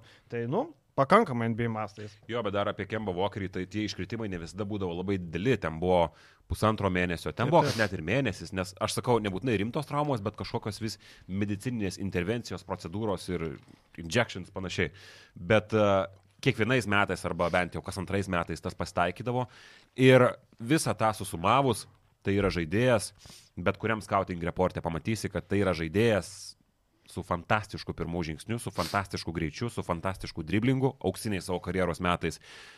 Ir dabar jis to neteko apskritai. Jis daugiau to neturi. Bet jis Tai-. New York'e dar 44 taškus buvo įpurtęs. Vienos rungtynės ir Vienos paskui rungtynės, visiškai nepažaidė. Tai... Ir paskui nusėmė, paskui vėl patyrė traumą ir nebežaidė iki sezono galo pats. Tai žiauriai spalvingos istorijos žaidėjas, sakau, 200 milijonų, tada 4 ar 5 pasirodymai All-Star rungtynėse. Keturi. Kosmosas visiškas, tai man čia tu negali nepaminėti. Tada aš dar vieną paminėsiu iš karto, jeigu galima, tai yra Frankas Kaminskis žaidėjas, kuris yra devintas pikas. Čia prie ko Kaminski, prie nusivylimų? Prie įdomiausių Ai, prie įdomiausių. Tai čia irgi įdomiausias Jo, jo, aš dėl Kembos nėra ko sutinku, kad žiauriai įdomus. Jo. Frankas Kaminskis, e, Partizanas nustebino, nes jie čia Kaminskiu keičia akivaizdžiai Matijas Talesorą, žaidėją, kuris, nu, mes žinom, pikinrolinis žaidėjas, atletiškumas įspūdingas, lipa ant lentos, o, o freeboundai paimti, tikras lentos monstras. Kaminskis yra minkštesnis, šiaip įdomi istorija, kad jo motina turi serbiškų šaknų ir jis pats iš esmės augo Čikagoje, jis yra tikras amerikietis, bet jis augo išskirtinai serbiškoje bendruomenėje. Ir Kokoškovas netgi kažkada norėjo jam pasiūlyti žaisti Serbijos rinktinį, nors jis neturi jokios pilietybės. Tai, tai jisai kažkiek yra susijęs, dėl to ten labai daug Serbijoje kalbama, kad uh, Grobary ten labai greitai pamils uh, šitą žaidėją, nes nu, jis turi sąsajų su Serbija pakankamai uh, nemažai. Uh, vėlgi, NBA karjeroje labai klausimas dėlis, kaip jisai ginsis. NBA karjeroje, aišku, dauguma centrų taiko dropinę gynybą, Kaminskis visiškai neišimtis, uh, bet su tuo jisai turi problemų. Ir uh, kiek aš stebėjęs Sansus, o jisai dar žaidė Sansuose tada, kai Sansai pradėjo kilti, Monty Williamsas tada treniravo tą komandą, mhm. buvo atkarpų, kai Williamsas su juo bandė keistis. Aiso gynyboje yra visiškas absurdas ir ten tas eksperimentas pakankamai greitai baigėsi. Tai labai įdomu, kaip Želko gynybo jį išnaudos. Bet žaidėjas, popinantis žaidėjas, iš šaltrolų, galintis kurti į kraštus, galintis žaisti pats veidų į krepšį. Minkštas žaidėjas, bet nu, tokios irgi istorijos žaidėjas NBA lygoje, atvažiuoja į Europą, tikrai negali nepaminėti prie įdomiausių pasirašymų. Jo, ir tik čia va irgi tas traumos faktorius, jis tose pačiose sansuose žiauriai gerai atrodė iki kelio traumos. 2019-2020 sezonas tarsi buvo jo pikas, ten po 10 taškų rinko ir tada trauma, 9 sužaistos rungtynės per metus. Ir va čia tas ir yra, kad žaidėjas atvyksta į labai. Po tos traumos jis realiai nebeturėjo nei vieno geresnio sezono. Ir jis va atvyksta po dviejų prastų metų NBA į pagrindinio centro vaidmenį. Tai aš sutinku, kad labai įdomus žaidėjas, kiek teko matyti. Tai ir pataikantis visų pirma, iš toli galintis išplėsti aikštės, netgi žaisdavo veidų į krepšį, jis pick and rollose labai gerai atrodydavo, viskas su to yra labai gerai, tik vat irgi kokia yra jo šiuo metu fizinė forma ir koks jisai bus. 30 metų, viskas dar kaip ir tvarkoja, gal atsistatys, bet batai, kuriuos jis ateina, Matijas Olesoro, yra žiauri dideli ir tai yra visiškai kitokio tipo visų pirma aukštaugis. Ir dar PJ Dozieras, čia galima paminėti, kad uh, kiek mačiau highlightų, sudaro įspūdis, kad Želko netgi tuose pačiuose deriniuose visiškai naudoja kaip Dante Eksumą. Ir uh, tipažas yra panašus, uh, rimtas atletas, uh, geros galūnės, geras kūnas, uh, metimas tikrai ne pirmo ryškumo. Toks 1, 2, 3 pozicija. visiškas uh, jo, neblogai galintis gintis. Visiškas Dante Eksumo tipažas ir man atrodo, kad uh, tokį triušį pakankamai geram lygiai įsitraukė Partizanas. Kuo pakeisti Eksumą, kuris jau buvo turėjęs neblogą sezoną? Šiaip visų tų iš NBA atvažiavusių žaidėjų bendras vardiklis yra, visi jie yra su traumų istorija. didelė. Vienintelė Juančio Gernangomes situacija kitokia. Nu, bet jis europietis. Bet jis europietis, Imam čia tos, imam tos, Okay, kaip ir Vilį irgi ten neturėjo traumą, bet imam tos amerikiečius, kurie atvažiavo. E, tai tarkim, kai mes turėdavom, kad iš NBA ten parvilko Mirotičių, gerą žaidėją, va, NBA galėjo įsigauti kontraktą, mes parvilkom Europą. Dabar tokių parvilkimų nėra. Nu, gal Vili Hernagomesas galėjo gauti kažkokio rotacijos centro vaidmenį, gal galėjo gauti kaip e, Niorleanas, nors Niorleanas jo atsisakė. Nors mano akimis jisai neblogai pavadavo ten tą valančiūną, bet, Nu, o kiti iš NBA žaidėjai neįsitvirtinę tiesiog, nebuvo, kad ten tas pats Sterlingas Braunas, prie įdomiausių naujokų galbūt aš priskirčiau irgi, taip, taip. kur ar tas pats Frankas Jacksonas, apie kurį jau kalbėjom, Milerbanos vėl, bandė įsitvirtinti NBA, gavo ten kažkokius simbolinius vaidmenis, bet taip iki galo ir nepavyko. O Brandono Deiviso perimas jums įdomus ar ne? Man įdomus, aišku, šiaip aš Deivisą visais laikais. Aš e, truputį tik pridėsiu Jo. vieną sakinį. Aš girdėjau, kad Atorė Mesinas pjaudėsi, sakė, Brendonas Deivisas, jeigu lieku komanda, manęs čia nelieka, sako, tokio durno žaidėjo aš nesu matęs. Nu, jis tą karštos galvos wow. efektą visada Taip. turėjo. Tokį. Bet uh, šiaip kalbant apie žaidimą, paustę apie tuos uh, judesius, judesių arsenalą ir kalbant, įvertinant faktą, kaip jisai geriausiais karjeros metais Barsui gynėsi, tarkim, išsikeitimuose, vienas geriausių Eurolygos centrų, kaip tu bedėliosi. Mm, Milane metai nesusiklosti, bet prisiminkim, kad Barsą jis paliko irgi ne iš gero Barsos gyvenimo. Barsas jo labai norėjo, Šaras jo labai norėjo, kad jisai liktų, jis nepaliko Barsos šiaip savo. Ir klaidą padarė.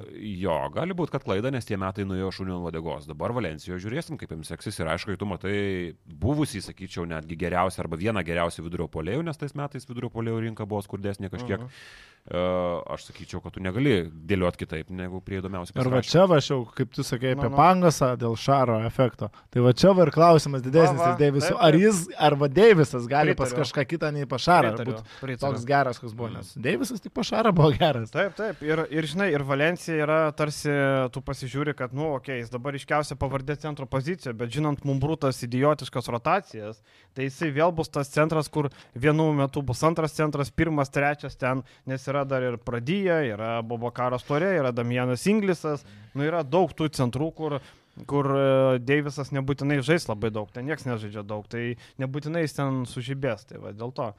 Dar vienas įdomus pasirašymas ir įdomus naujokas tuo pačiu metu yra Kailas Gajus Pau komandai, kažkiek užgrėbėm šitą žaidėją, bet Uh, ne, neminėjau. Ne, ne, man atrodo, kad uh, nėra žaidėjas padaręs labai gerą savo sprendimą perinant į Pau. Uh, Nes e, ta pau gynėjų linija mes visi patys žinom yra 5-4 žaidėjai. Bet jeigu kurie... Jankūnas paskambės Grigoniu, kurio numerį turi? Jeigu kurio numerį turi. Bet uh, dabar, dabar tas trendas yra, ką žymiausia turi savo kontaktus. keturi žaidėjai, kurie yra elitiniai visiškai Eurolygoje ir kurie norės savo minučių ir jie norės kamolio. Uh, Ir tu nueini į tokią komandą, būdamas Eurolygos naujokas. Tas uh, sezonas vėlgi, praeitą sezoną buvo pirmoji pusė jam sunki labai, antroji pusė, nu, ten mes patys prisiminam, ką jisai Baskonėje nuskandindamas darė, vėliau playoffuose, nu, įspūdinga serija, per tą seriją jisai ir pasistatė savo kontraktą. Uh, Bet aš galvoju, kad šiek tiek mažesnių ambicijų klubą galbūt buvo galima rinktis. Nežinau, neįsivaizduoju, bet man atrodo, kad e, Eurolygos naujokui konkurencija bus labai...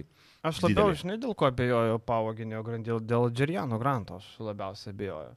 Tarkim, e, atsiliepimai iš Milano apie jį buvo labai prasti. E, realiai dar prieš pasirašant, aš pamenu, mes kalbėjom, e, man atrodo, Algymantas dar kanėtė dirba jo, sako, čia sudėk, sako, aš esu domėjęsis dar, kai Žalgiri dirbo, sako, aš domėjausi granto situaciją, viską, sako, ne, ne, mes pjaudėmės. Tai vad, Džeriano Grantų istorija Milanė, taip, jisai tapo MVP Europos tauriai, Turk telekomė, viskas ok, bet man Džerianas Grantas yra labiau abejotinas negu Kailas Gajus. Bet ok, čia jo. Gajos pastatysiu bet... dar, Gajos kokybė aš nebejoju, aš e, abejoju, net nebejoju, aš keliu klausimą, ar jis nesudegs to konkurencijoje aplinkoje, būdamas nepatyręs. Bet su kuo jis konkuruos? Su Grigoniu. Tarkim, Džeriano Granto konkurencijos jam nereikia bijoti, jisai gali būti geresnis. Bet vis tik jis konkuruos su juo. Nu tai taip, tai žinai. Aš galvoju, nepaisant, kaip atrodys Grantas, kaip atrodys tas pats Kailas Gajos, Panatinaikos vis tiek bus tarp elito, aš... tiesiog, kad ir susidegusiu Džerianu Grantu, nu ir kas, ar sužais Kostas Lukas, sužais Grigonis, sužais galbūt Lukas Vildoza, ten jie turi labai daug pasirinkimo ir turi teisę susidegti su kažkuriuo žaidėju, kad ten jam vienodai bus, kad krepšininkas turi prastą sezoną. O šiaip įdomus sprendimas buvo, neiškliuvo, mokės, kodėl atsisakė Georgijos Kalaidzakė, kodėl pasiliko Panajoti Kalaidzakė. Tai aš girdėjau, kad tiesiog klubas suprato, kad du broliai vienoje komandoje negali būti. Kas jau šiaip atrodė. Lavrinovičiai kumščių per stalą. Ne, ne, ne. Matai, Lavrinovičiai, bet Lavrinovičiai taip, bet matai, jie buvo, buvo labai geri žaidėjai, o čia yra dėl, du žaidėjai, kurie pešasi dėl tų pačių penkių minučių. Tai čia vad buvo esminis dalykas. Mm. Ir šiaip džiugu, kad Lietkabelio žaidėjas nukonkuravo buvusi bug žaidėją, jeigu taip jau paėmus bendrai. Bet čia dar kartą įrodymas, kad uh, gera agentūra, tas pats Janio agentas ir ryšiai ir visokie tenaisinti tų kumpus sėdi, kur pasaulio čempionatas. Jis tiesiog net ne, ne, ne agento, ko gero, dėl gimnystės ryšių. Ne, tai taip, taip, tai sakau, bet ten ta pati agentūra. Tanas jo pasirašymas yra tiesiog e, chrestomatinis vadovėlinis pavyzdys, kaip NBA kartais tikrai nežaidžia krepšininkai. Kaip ten palauk, e, bebrai vadinami, ne, bebrais, bebrai, kur, kur savus stumia, kaip sako, bebrų partija, va, ten politikoje. Tai čia vad bebrai, bebrai irgi. Gerai, ką dar galim paminėti gero? Ką galim. Gerai, e, kaip galvojat, e, kurį komandą, vat, kur mes, e, tarkim, dabar vat, žiūrėdami popierių matom, tarkim, aštuonetą, mes praeitą kartą minėjom aštuonetą, vis dėlto apsišiks arba tą, kurio mes nurašom, gali mus nustebinti. Um... Nes mes praeitą kartą Vilius nematė Nadolo aštuonetą, ne? Ne, aš paskui pasitiesiau, aš supratau, kad gal kažkiek per karštai reagavau. Man Va, atrodo, aš taisiausi, kad uh, yra šansas, kad bus. Vis, ne tai, kad yra šansas, bet nenustepčiau, kad bus ir gali būti, kad bus, bet aš dedu, kad nebus galbūt. Aš e, iš tų komandų, Šūda kurias mes įtraukėme į aštuonetą, ir kur čia visi tarsi mato aštuonetą, kaip komanda, kuri gali apsikakoti, laikyčiau Makabį. O aš partizaną. Pa, oi, Partizano aš net nematau aštuonetą. Tai čia irgi Dešimtukė, dešimtukė. Dešimtukė galbūt, bet plėjimu, Partizanas man irgi Jo. čia garant, yra iškrentant iš elitinių komandų, bet Makabi irgi gali būti problemų. Zvezda? Manau, kad Zvezda. Zvezda. Šiaip dėl Makabį, mes mažai išnekėjome apie Makabį, mm. bet iš esmės e, man vasaros darbai neįtikina, labai neįtikina, tarkim, Antonisas Klyvendas atvyko, toks labai kampuotas žaidėjas, toks. Bet lab- gynyboje jis gali būti žiauriai. Ne, tai gynyboje taip. Jeigu jie įstatys į tinkamą vaidmenį, tarkim, Arnas taip. Butkevičius, Žalgirė, irgi daug kas sakytų, čia apie ką šitas žaidėjas, bet kai tu jam duodi svarbų vaidmenį, Bet žinai, Butkevičius yra vietinis. Čia tu pasikvieti legionierių, žinai. nu, tai Makabi okay. tokios dalyko kaip vietinis ar amerikiečiai ten Tai vietinis. tam yra žaidėjas iš plata perka kaip vietinį. Jo, bet aš ką turiu omeny, žinai, tarkim, praeitą sezoną, prie sezoną mes kalbėjom, ką darys Holinsas, Hillardas, Jailenas Adamsas, ten buvo milijonas gynėjų, dabar yra Lorenzo ir Baldvinas ir yra jos keičiantis Blatas, Di Bartolomeo ir Klyvlendas. Ir tie patys Hasielis Rivero man. Nu, Džeimsas Hasielis- Webas, Nežinau. Webas man nepatinka, tokio. bet tai rodo, aš nežinau, ar trūko fantazijos, tarkim, jiem reikėjo free ND gynėjo, tarkim, Geraldas Martinas buvo toj rolėje, ne? tritaškis nuo gynybojo ten, sakykime, ne? Bet dabar tu įimi Webą, kuris man Valencijai, nežinau, man Webas apie nieką žaidėjas mm. buvo toks, nu gali pataikyti, bet iš penkių rungtynių vienose užmeta. Man taip Jau gauni kažkiek tai geresnių įvairesnių sprendimų gynyboje, nes jis toks polime apie nieką žaidėjas, tau nieko negali duoti, nei jis ten kažkokį Nu, superinį tritaškį. metimą turi, bet tai tritaškis irgi nėra tame lygyje, kur tu gali sakyti, aukšto ūgis gerai metantis ten, aš nežinau, šanly. Tai jau grėsmė yra, gali sakyti. Webas nėra stabili grėsmė. Aš dar kažkiek noriu sugrįžti prie Zvezdos. Aš dar tada palauk, pridėsiu A, apie vieną Gerai. aspektą, kurio nepaminėtas buvo. vieną. Uh, Romanas Sorkinas šitam sezonė turės didžiulį vaidmenį. Mm. Mm. Vat kaip tik e, vakar vienas kolega iš Izraelio sako, Sorkinas dabar pagrindinis bus ketvirtas numeris, sako, pamatysit, nebeliko poitresų, viskas, sako, Sorkinui davė solidų kontraktą, o pagal Makabį hierarchiją, jeigu tu uždirbi normaliai, tu turi žaisti. Nu tai NBA hierarchija vadinkim. Tai vad Sorkinas bus tas žaidėjas, kur turės daugiau minučių. Prašom. Aš e, jo, sugrįšiu dar šiek tiek tik tai prie Zvezdos, kad mm, mes kalbėjom praeitą savaitę, kad man šitą komandą atrodo vis tik kratinys, nes yra keturi žaidėjai, Teo, Neipieras, Jagodo Santosas ir Nemanija Nedovičius. E, Man čia trūksta labai stipriai atletiškumo ir sakau, gal net kalbėjom podcast'e kažkada praėjusią savaitę, kad jeigu mes imam komandas praėjusių metų, tarkim, visas sėkmingas arba praėjusių metų finalo ketvirto komandas, jos visos turėjo po gerą atletišką gynybinį žaidėją. Absoliučiai visos. Tai yra sėkmingos komandos dalis sudėdamo yra atletiškumo. Šitą komandą jokio atletiškumo neturi. Da, kas ginsis? Yra Adamas Ganga, yra Branko Lazičius, du žaidėjai, ok, kurie gali gintis, bet jiem yra po 34 metus. Kiek patiems? Nu tai ispaniška komanda. Irgi klausimas labai. Tai Eurolygos aplinkos tokių žaidėjų kratinių, nes man atrodo, kad čia ateitų tiesiog į parduotuvę, ar aš noriu šito, noriu šito, noriu šito, paimsiu dar Kai šitą. Alkanas ateini. Jo, Aš vadinu- baigti. Aš pasiėmė. vadinu Zvezda tiesiog ispaniška komanda, tu sakyk kaip nori. Ir man atrodo, kad, e, kad tai ir bus kertinis dalykas, da po krepšių, okei, okay, tu turi balombojų, taubį. Nu, Kuzmičius gali tau tik kažkiek tą vaidmenį pasistumdyti, bet jis Bet nėra Kuzmičius. karpų tai žaidėjų, čia yra vienas Kuzmičius.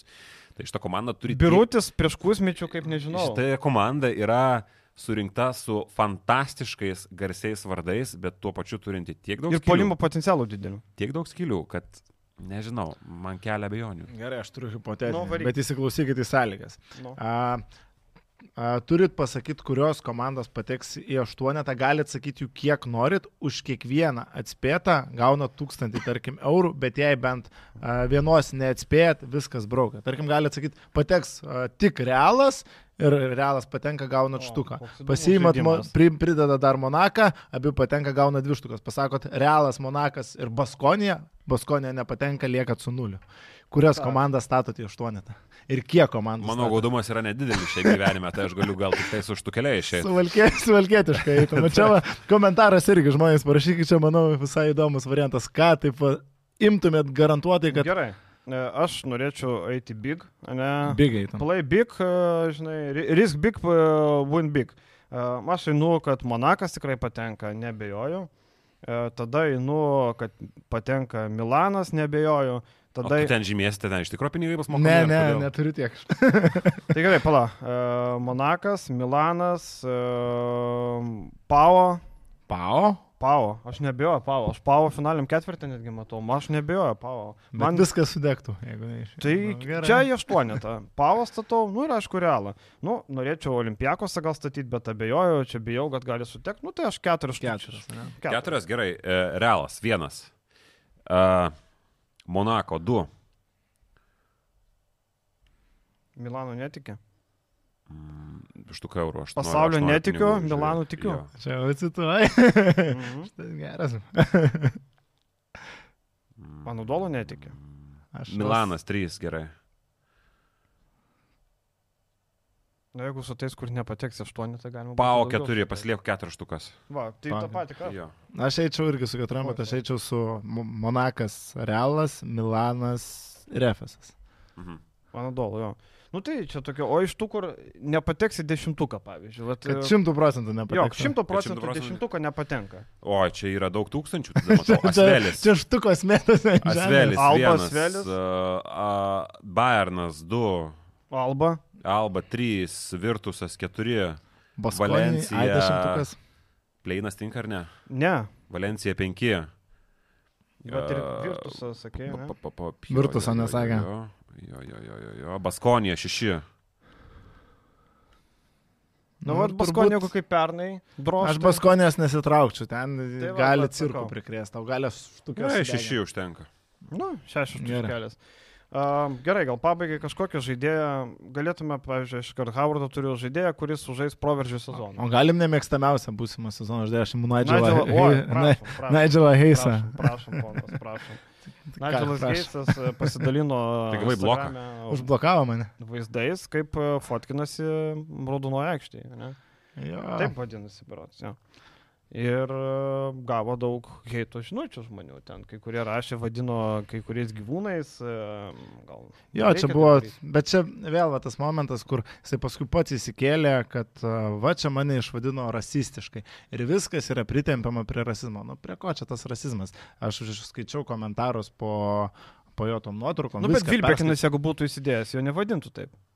Nu, aš nežinau, kas ką kaip vadintų esmė tame, kad buvo šimtai komentarų lietuvių ir jokio rasizmo ten tose komentaruose nebuvo. Tiesiog a, klausimai, kodėl, ką tu čia darai, nu gal idiotų kažkas pavadino, kas.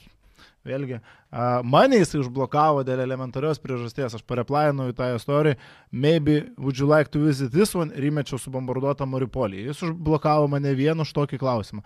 Tai prašyčiau. Ir nu čia vėl mes galim, ai, amerikietis e, nežino, nesigilina, čia ką padarys. Tai palauk, kelis metus gyveno Lietuvoje, vaidino intelektualą, čia aš domiuosi lietuvių kultūrą, domiuosi lietuvių kalbą ir nušauni tokius dalykus. Plius nereikia ir tuos amerikiečius taip pat laidžiai žiūrėti. Yra ten labai daug išsilavinusių žmonių, kurie viską supranta, kurie viską žino.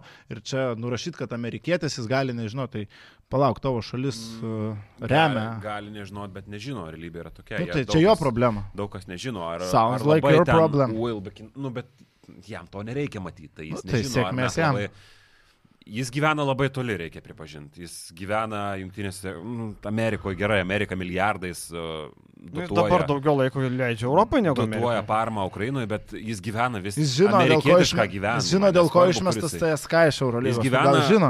galų galiais gyvena šaly, kuri viena šikna bando apsės dvi kėdės, kuri tarsi yra pusiau tokia neutrali netgi. Tai sakyčiau, kad nereikia kaltinti labai žaidėjo, kuris yra tiesiog sutinku. durniukas šituo klausimu. Nu, Tai tu kaltini žaidėją, kuris yra nukvailelis šitam reikale, jis yra, aš, man pasakymas, aš apolitiškas, nu, tai tu kvailelis tiesiog ir viskas. Man tai žinai, kas Bet labiausiai kliūna. Aš, aš dar tik tai pabaigsiu. Ir man visada kreivai atrodė tas, Eisas jau čia intelektu, jau Jo, čia toks intelektualas, kad jo ten pavasario sonatą ar kažką jau ten jisai pasičiapsėdamas pusryčiam valgo, bet Nes lietuviškai Kai mokėsi- mėtydavo, įsijungdavo klasikinę muziką. jo, jau čia baisiai reikėjo klikų kažkada lietuviškiam portalam, tai ėjo šitas labai gerai naratyvas. Nors Tada ten... iš klubo išėjo kiek kitokios informacijos apie intelektualumą, bet kažkaip niekas apie tai Tada nekalbėdavo. lietuviškai mokosi dviejus metus, bet kažkaip neprakunta. Nu, Lebas. aš, aš žinau intelektualus, kurie... Čiubibi, Jo, čiubibi. Pepas Guardiola vokiškai per penkis mėnesius kažkaip. Yra ukrainiečių, tik tokie ir taip toliau, kurie per pusę metų lietuviškai puikiai pramoko kalbėti. Tai vad žmogus galėtų pasimokyti iš tam. E, tikrų... Beje, LRT laida dabar, uh, jinai jo, aš tik nesnei atradau tą laidą, bet yra LRT laida, LRT mediatekoje. Ukrainietė veda, e, mergina, ir jinai aišku gyvena jau keliarius metus, gerokai ilgiau, bet kalba lietuviškai korekt. Tai čia vėlgi, nu, tai tu mokykis nesimokyk, man visiškai pabarabanu, bet tai nevadinkim dėl to, kad bičias mokosi, bando paskaityti lietuvišką vadovėlį, jau jis yra pas mus labai intelektualas. Nu, jis nėra intelektualas. Ir man labiausiai dar nepatiko, oi, aš žaidžiau už žalgerį, kai mane palaikė, to dabar jūs su manim taip elgės. Senė, tu nusifotkinai prie... Uh, ir ne tai, kad nusifotkinai, ten buvo pilnas storių, pilnas video reportažas parengtas, kaip jis gerai leidžia laiką Maskvoje. Tai jis, siunč, jis seka apie 200 tūkstančių žmonių, daug, daug jų yra amerikiečių, daug lietuvių, aišku, nemažai turkų.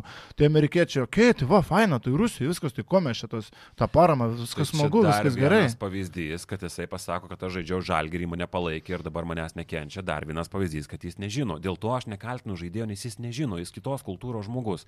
Aš neketinu veltis į diskusijas, kad jis turi žinot visą šitą istoriją. Jam neįdomu, jis galbūt ir turi, bet jam neįdomu. Ir that's ok.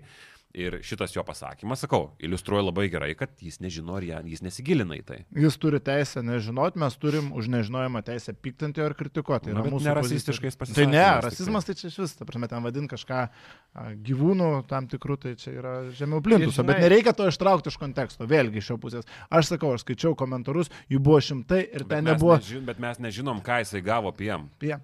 Nu, tai Mes nežinom. aš žinau, ką aš parašiau, ten nebuvo bet tai nieko žiūrėk, rasistiškai ir jis mane užblokavo. Pyksti, kad jisai uh, pyksta dėl rasizmo. Nu, aš pilnai tikiu, kad uh, mūsų degeneratų uh, gauja kažkokia parašė, eitų bežionę ar tai dar kažką, žinai. Aš, aš pilnai tikiu, nes tai būna labai dažnai. Ir jis gyvenime. tada nueina į aukos, aukos padėtį, įsideda būtent tą istoriją, jau auka jis dabar. Bet jis patapo. turi teisę ją Tai jaustis, tegul- jeigu jis tegul jaučiasi. Aš jaučiuosi auka dėl jo požiūrio į karą Ukrainai.